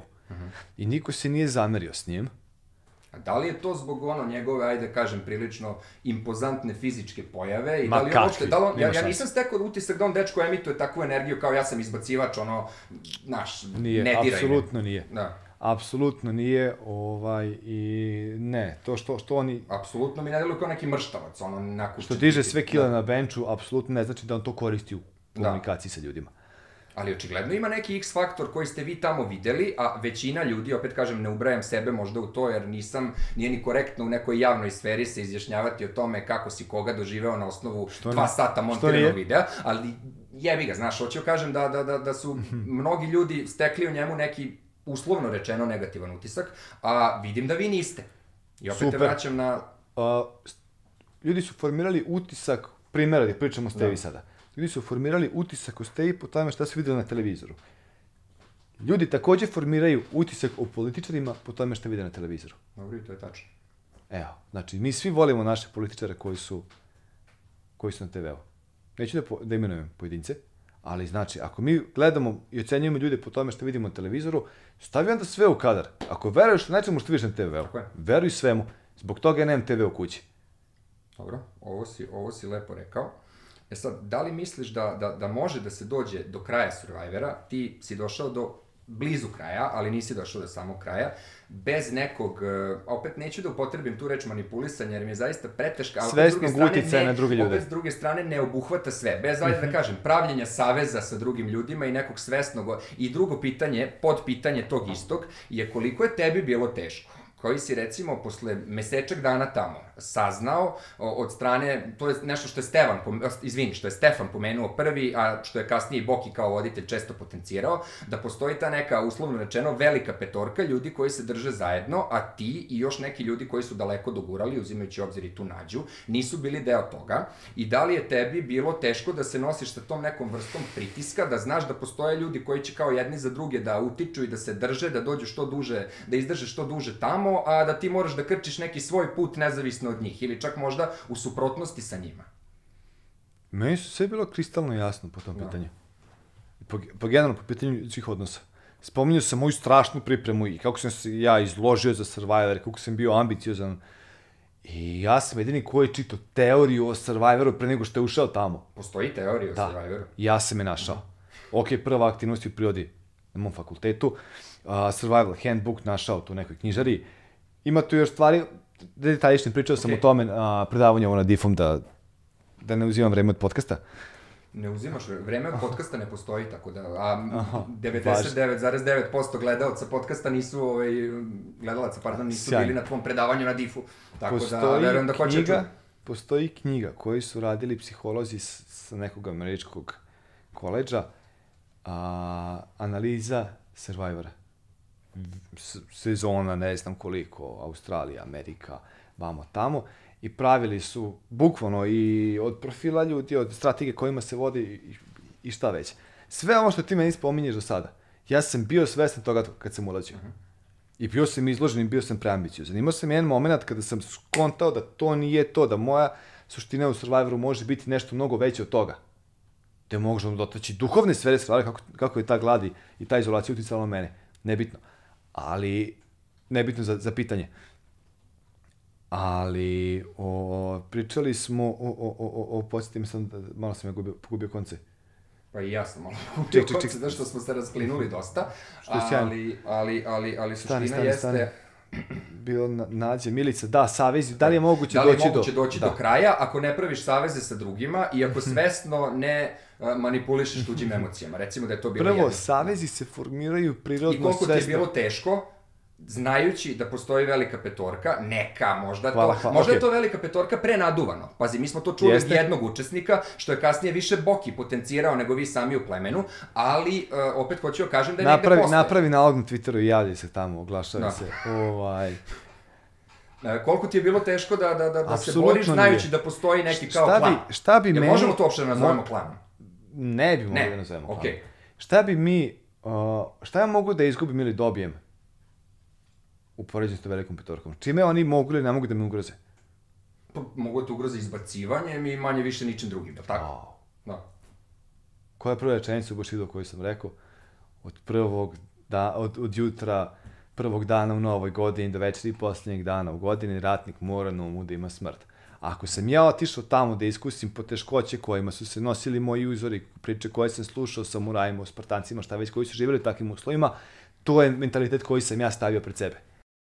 E, znaš šta me još zanima? Kako je izgledao tvoj boravak u velikom veću? U kom smislu? E, posle 50 i nešto dana, ono, gladi, džungle, koliko god to možda i ne bilo tako, ali ajde, mi smo to tako bar e, doživeli. Izmeštaš se u neki skroz drugi kontekst, e, gde si prvo e, i sa crvenima i sa plavima, možeš iz te neke druge perspektive da komentarišeš i analiziraš šta se sve tamo dešavalo, s druge strane nisi gladan, uživaš u nekom onako popriličnom luksuzu, mm -hmm. sam si pomenuo ono u pre snimanja da je tu bio bazen, tompus, baš te briga, jedeš šta hoćeš i tako dalje. I koliko ti je to pomoglo da u stvari rekapituliraš sve ono što se desilo i da na ta plemenska veća, velika veća dolaziš sa nekom drugačijom slikom u odnosu na onu koju si imao dok si bio sa one strane e, ograde, ajde da tako kažem.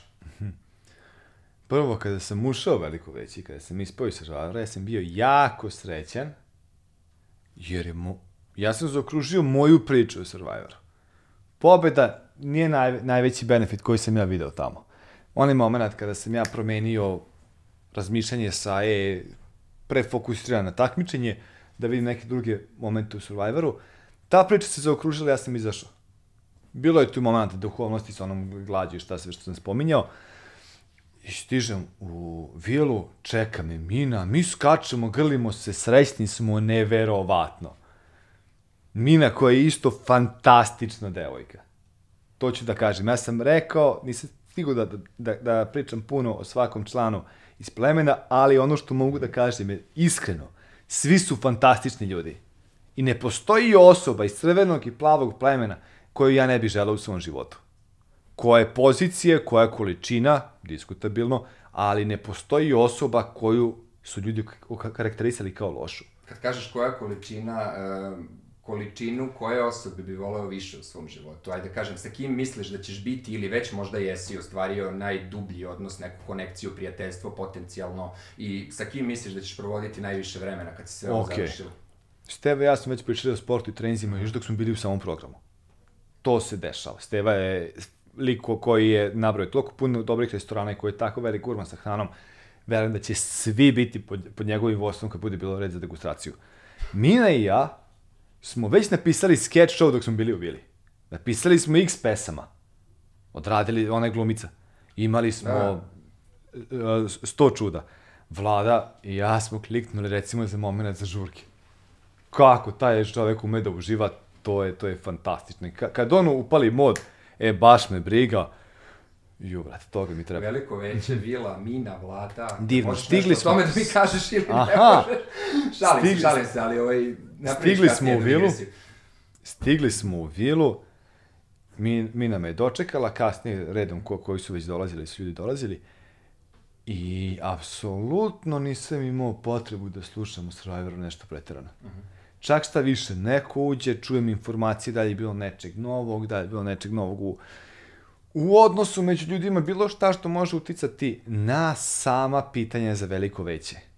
Suština tih pitanja jeste da mi postavimo u nepretnu situaciju polufinaliste. Pokaži nam čime si zaslužio. Naši da te istestiramo Okej, maksimalno. sad, sad mi je malo jasnije. Znači, cilj Ja je sam bio tako da se video. neko isprovocira. Tako je. I to je bila suština svih pitanja. Opet ne, ne znam koja... Suština su... nije bila tvog odnosa prema nekom, nego kako ćeš da, da, da vidiš kako će se neko u nekoj provokativnoj situaciji snaći. Tako je. Da. I ti ćeš u tim momentima... Ok, sad, sad malo bolje, malo bolje kapiram ono, i pozadinu tvog pitanja Ne samo nađi, mog, ne samo okej. tvog, nego i od ostalih, da. Da, ne, ne samo, pazi, kad je, seli smo pred veliko veći, diskutovali smo o tome šta bi koga mogli da pitamo, to pitanje je došlo na, na, na, na raspravu. Da, da li će neko postaviti to pitanje nađi? Ja sam prvi stao i rekao, ok, bez jednog prijatelja ja prvi ne mogu da se složim sa time. Izvini, Razumeš. je li ima neki veliki brat koji kaže ovo može, ovo ne može? Tamo. Da li neko vrši selekciju pitanja koja vi planirate da postavite pred Ja ću pretpostaviti da ima, jer nisam gledao sve. Poslali su samo snimak to, to za, za nađu. Meni jednostavno, bio sam tamo, vidio sam šta se dešava, znam šta je iz prve ruke i to je to. Ali pretpostavit ću da ima sama činjenica da, da reality program ne može da traje 24 časa. Tako da, verovatno je to bilo Može, cap, cap, cap. neki reality programi traju 24 časa. Hvala Bogu nisam bio tamo. Ovaj, tako da i veliko veće vila, tamo smo, dođem, popričam sa nekim prvi put i međutim od toga kad nastave neke pretpostavke, teoretisanja o Survivoru, jednostavno nisam učestvovao u tim razgovorima. Isključio sam se, bio sam prezauzet svojim otkrićem u Dominikanskoj republici.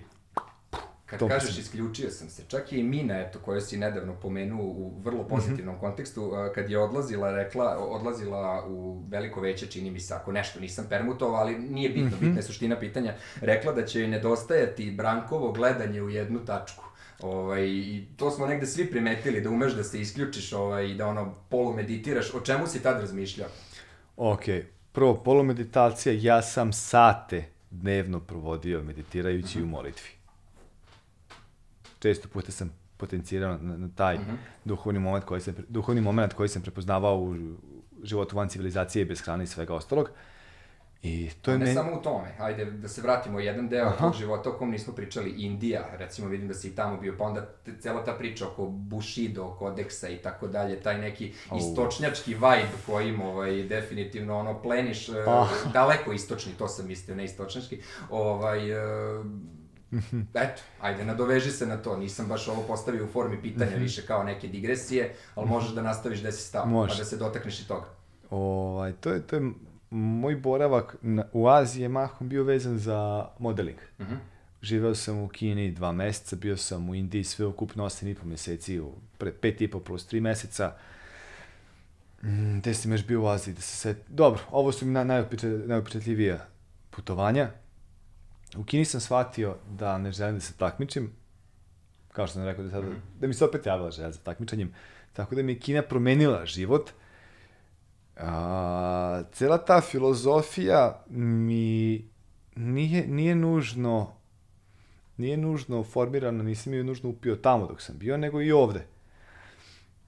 Čitanjem knjiga, istočničke filozofije, praktikovanjem discipline, evo sad sam krenuo i u borilačkim sportovima i taranski boks ima sjajnu teoriju, sjajnu podlogu, sjajnu kulturu iz Tajlanda koju može da nam ponudi. I evo, neka ne bude samo istok, neka bude i život na Ibici, skroz totalno drugačije od religioznih težina, od produhovljenja, nešto na sasvim drugu stranu, što me opet dovelo do nekih sličnih zaključaka i što, što je najviše vredno kod putovanja ko, ko, koje te razbiju na komade i ne znaš ko si, šta si, dok se opet ne formiraš ili ne A od provodiš. svega nešto izvučeš kad se ponovo sastavljaš u tu slagalicu. Upravo, upravo. E, to se desilo i Survivoru i zato ja volim da Bravo, odlična podloga za jedno od možda poslednjih pitanja koje se tiče samog Survivora, a to je ono standardno, najstandardnije moguće, ono iz bukvara Survivora, pitanje uopšte Mhm. podcasta kao forme. Šta je nešto što te, šta je nešto e, što ćeš, ajde da kažem, najviše pamtiti, odnosno šta misliš da te, da te od boravka u Survivoru, da je, Survivoru, pardon, najviše uticalo na tebe, najviše te promenilo i koji je neki najjači utisak koji nosiš dalje kroz život, e, a poučen si tim iskustvom? Ušao sam u Survivor kao takmičar. Probudio su meni atletičar, veslač. Da li Ko- si izašao kao takmičar? Kogod je ušao tamo sa tim ambicijama i tim stavovim, tim pripremama, veoma brzo je, je nestao, odnosno moj fokus je bio promenjen. Kada sam primetio ko, koliko nepredvidljivih stvari je bilo tamo i koliko, koliko ja povlačim paralela između života u Survivoru i, života, i svakodnevnog života. I moment gde, gde sam bio mogu reći, razoružan ambicijama. Kad čovjek ima ambicije ovde u svakodnevnom životu, lako mu je da živi, lako mu je da se cima, lako mu je da radi šta god hoće. Kad to nestane, i kad se zapitaš čemu poenta, ključno pitanje koje mene vodilo kroz Survivor, I čemu poenta? čemu poenta, neka to sva, mogu da ti kažem za sebe. Da, za tebe mi zanima. Mislim, Moja- nije realno da toliko duboko možeš da komentarišeš ono osjećanja drugih, ali tvoj utisak svakako je Nekima nešto što... pobeda, Izvoli. A, ne, ne, da. pričat ćeš sa njima, pričat ćeš sa njima. O, ko što kažem, ja ću sve moje da hvalim ovde. Ja sam Branko Svači, prijatelj i sa razlogom to govorim, da ne dužim. A, poenta, naj, najveći benefit koji sam ja video u Survivoru je baš bio taj moment gladi, divljine, posta i meditacije. Borbe sa samim sobom. Bukvalno. Ne borbe. P- a, Jedno sam bio pitan da, da, li, da li me Survivor razmontirao, razbio na komade. Da, razbio na Pa komade.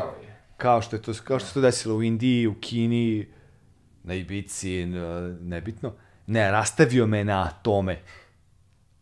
I to je najbolja stvar ko- koja, koja je mogla da mi se desi.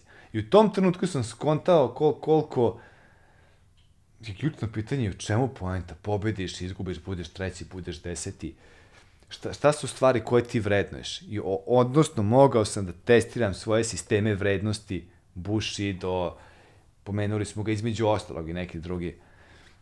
Ove, mogu sam da ih testiram u najvećim uslovima i na to sam se oslanjao. To je, to je, to je bio moj izvor snage. Kada sam padao u nesvjet, kada dođem na gađanje i krenem da mi se sužava, vidi ih Vidim da pogodim da. nešto, a ono, borim se da ostanem na nogama.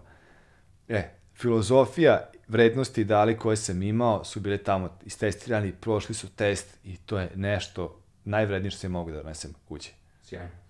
Kaži mi, ovaj, ajde, negde je možda i ovo logično nadovezivanje na, na to pitanje, jeste malo drugačije, jeste malo konkretnije i tiče se aktualnog trenutka, ali opet ima neke veze sa benefitima koje nosiš iz Survivora. E, Šta bi voleo da ti Survivor i ova trenutna popularnost koja nije mala, pazi, pričali smo već na tu temu, ne znam da li pred kamerama ili u toku neke od pauza ovaj, i pre samog snimanja, um, vidi se da ta popularnost nije mala, da te klinci spopadaju po ulici i, i sam si objavio na Instagramu i tako dalje.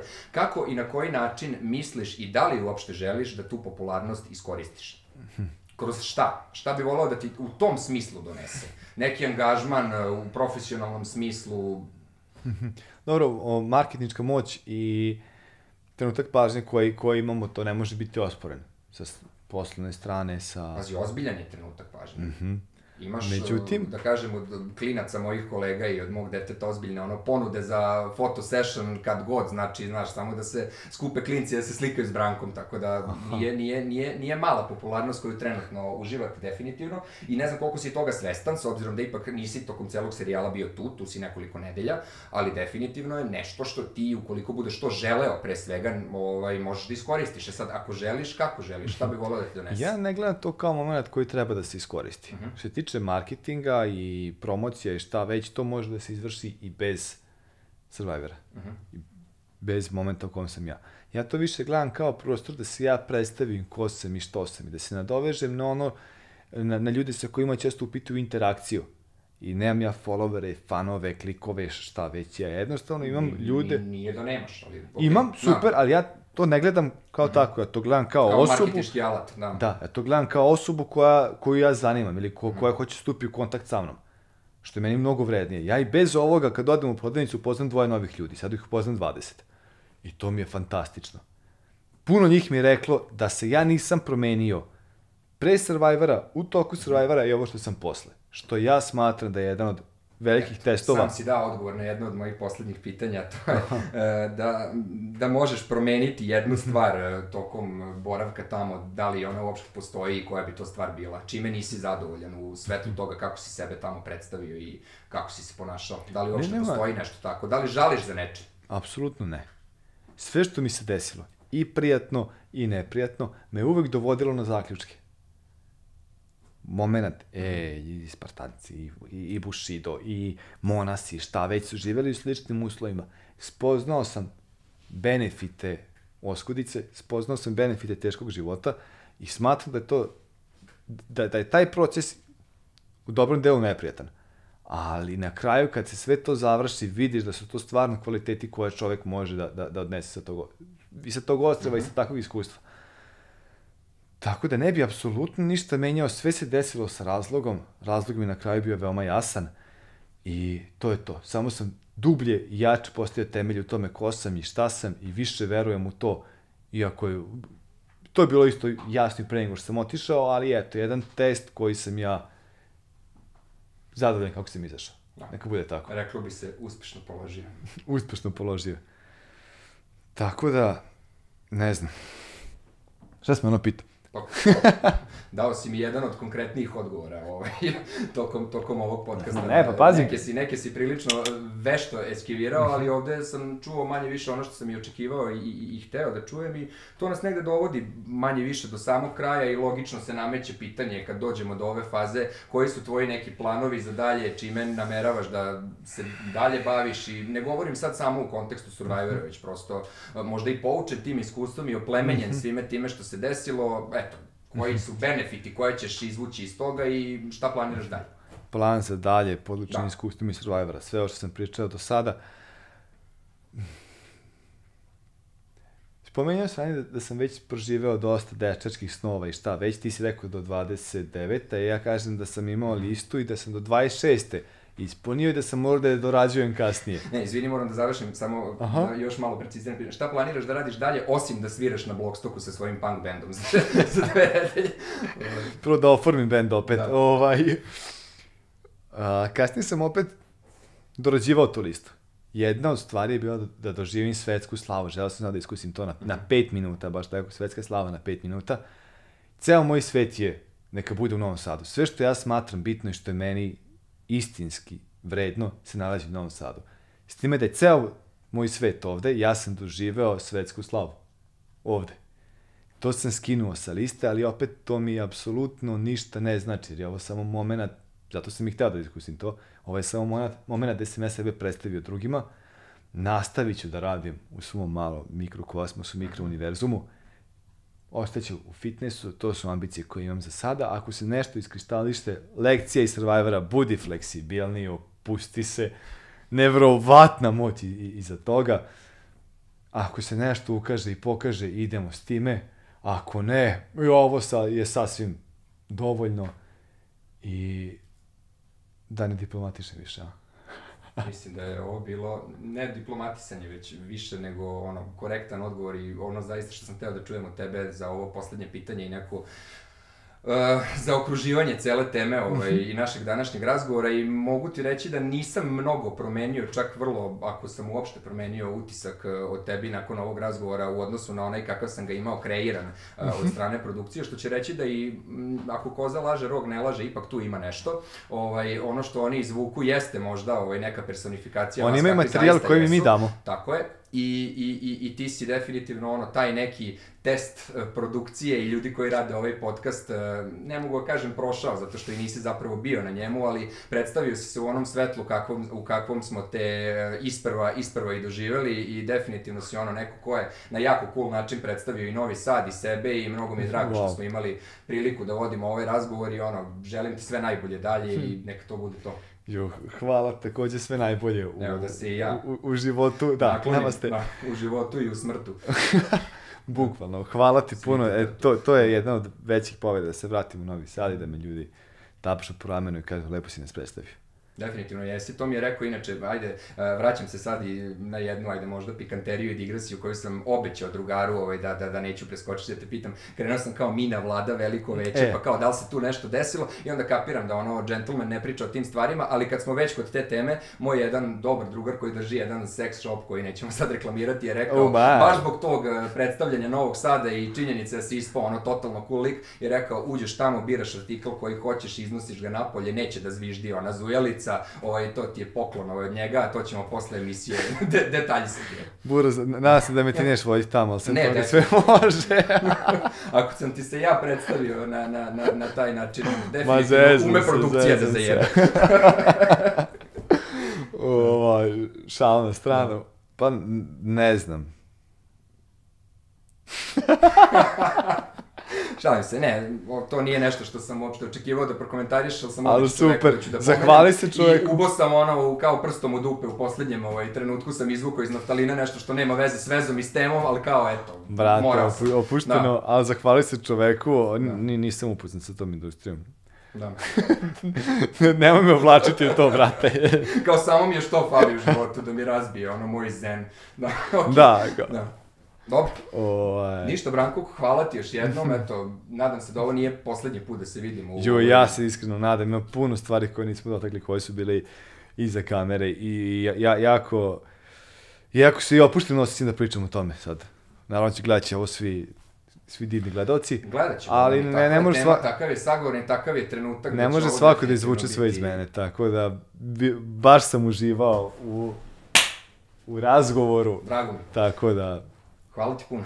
Ništa ljudi, Hvala bio je ovo naš prvi gost u, ovaj, u Drvljenje podcastu, odnosno jednom od eh, podcasta, gradskog podcasta u produkciji eh, portala Gradske info. Nadam se da vam je i tema i sagovornik ono što je sigurno su bili aktuelni, da ja nisam mnogo udavio sam podcast s mojim čestim digresijama i pitanjima koja nisu naročito koncizna, ali bože moj, ovo je eh, živ organizam, svi učimo, idemo dalje i gledamo se uskoro već za nekoliko nedelja sa nekim novom, nekom novom temom i nekim novim gostom. Mm-hmm.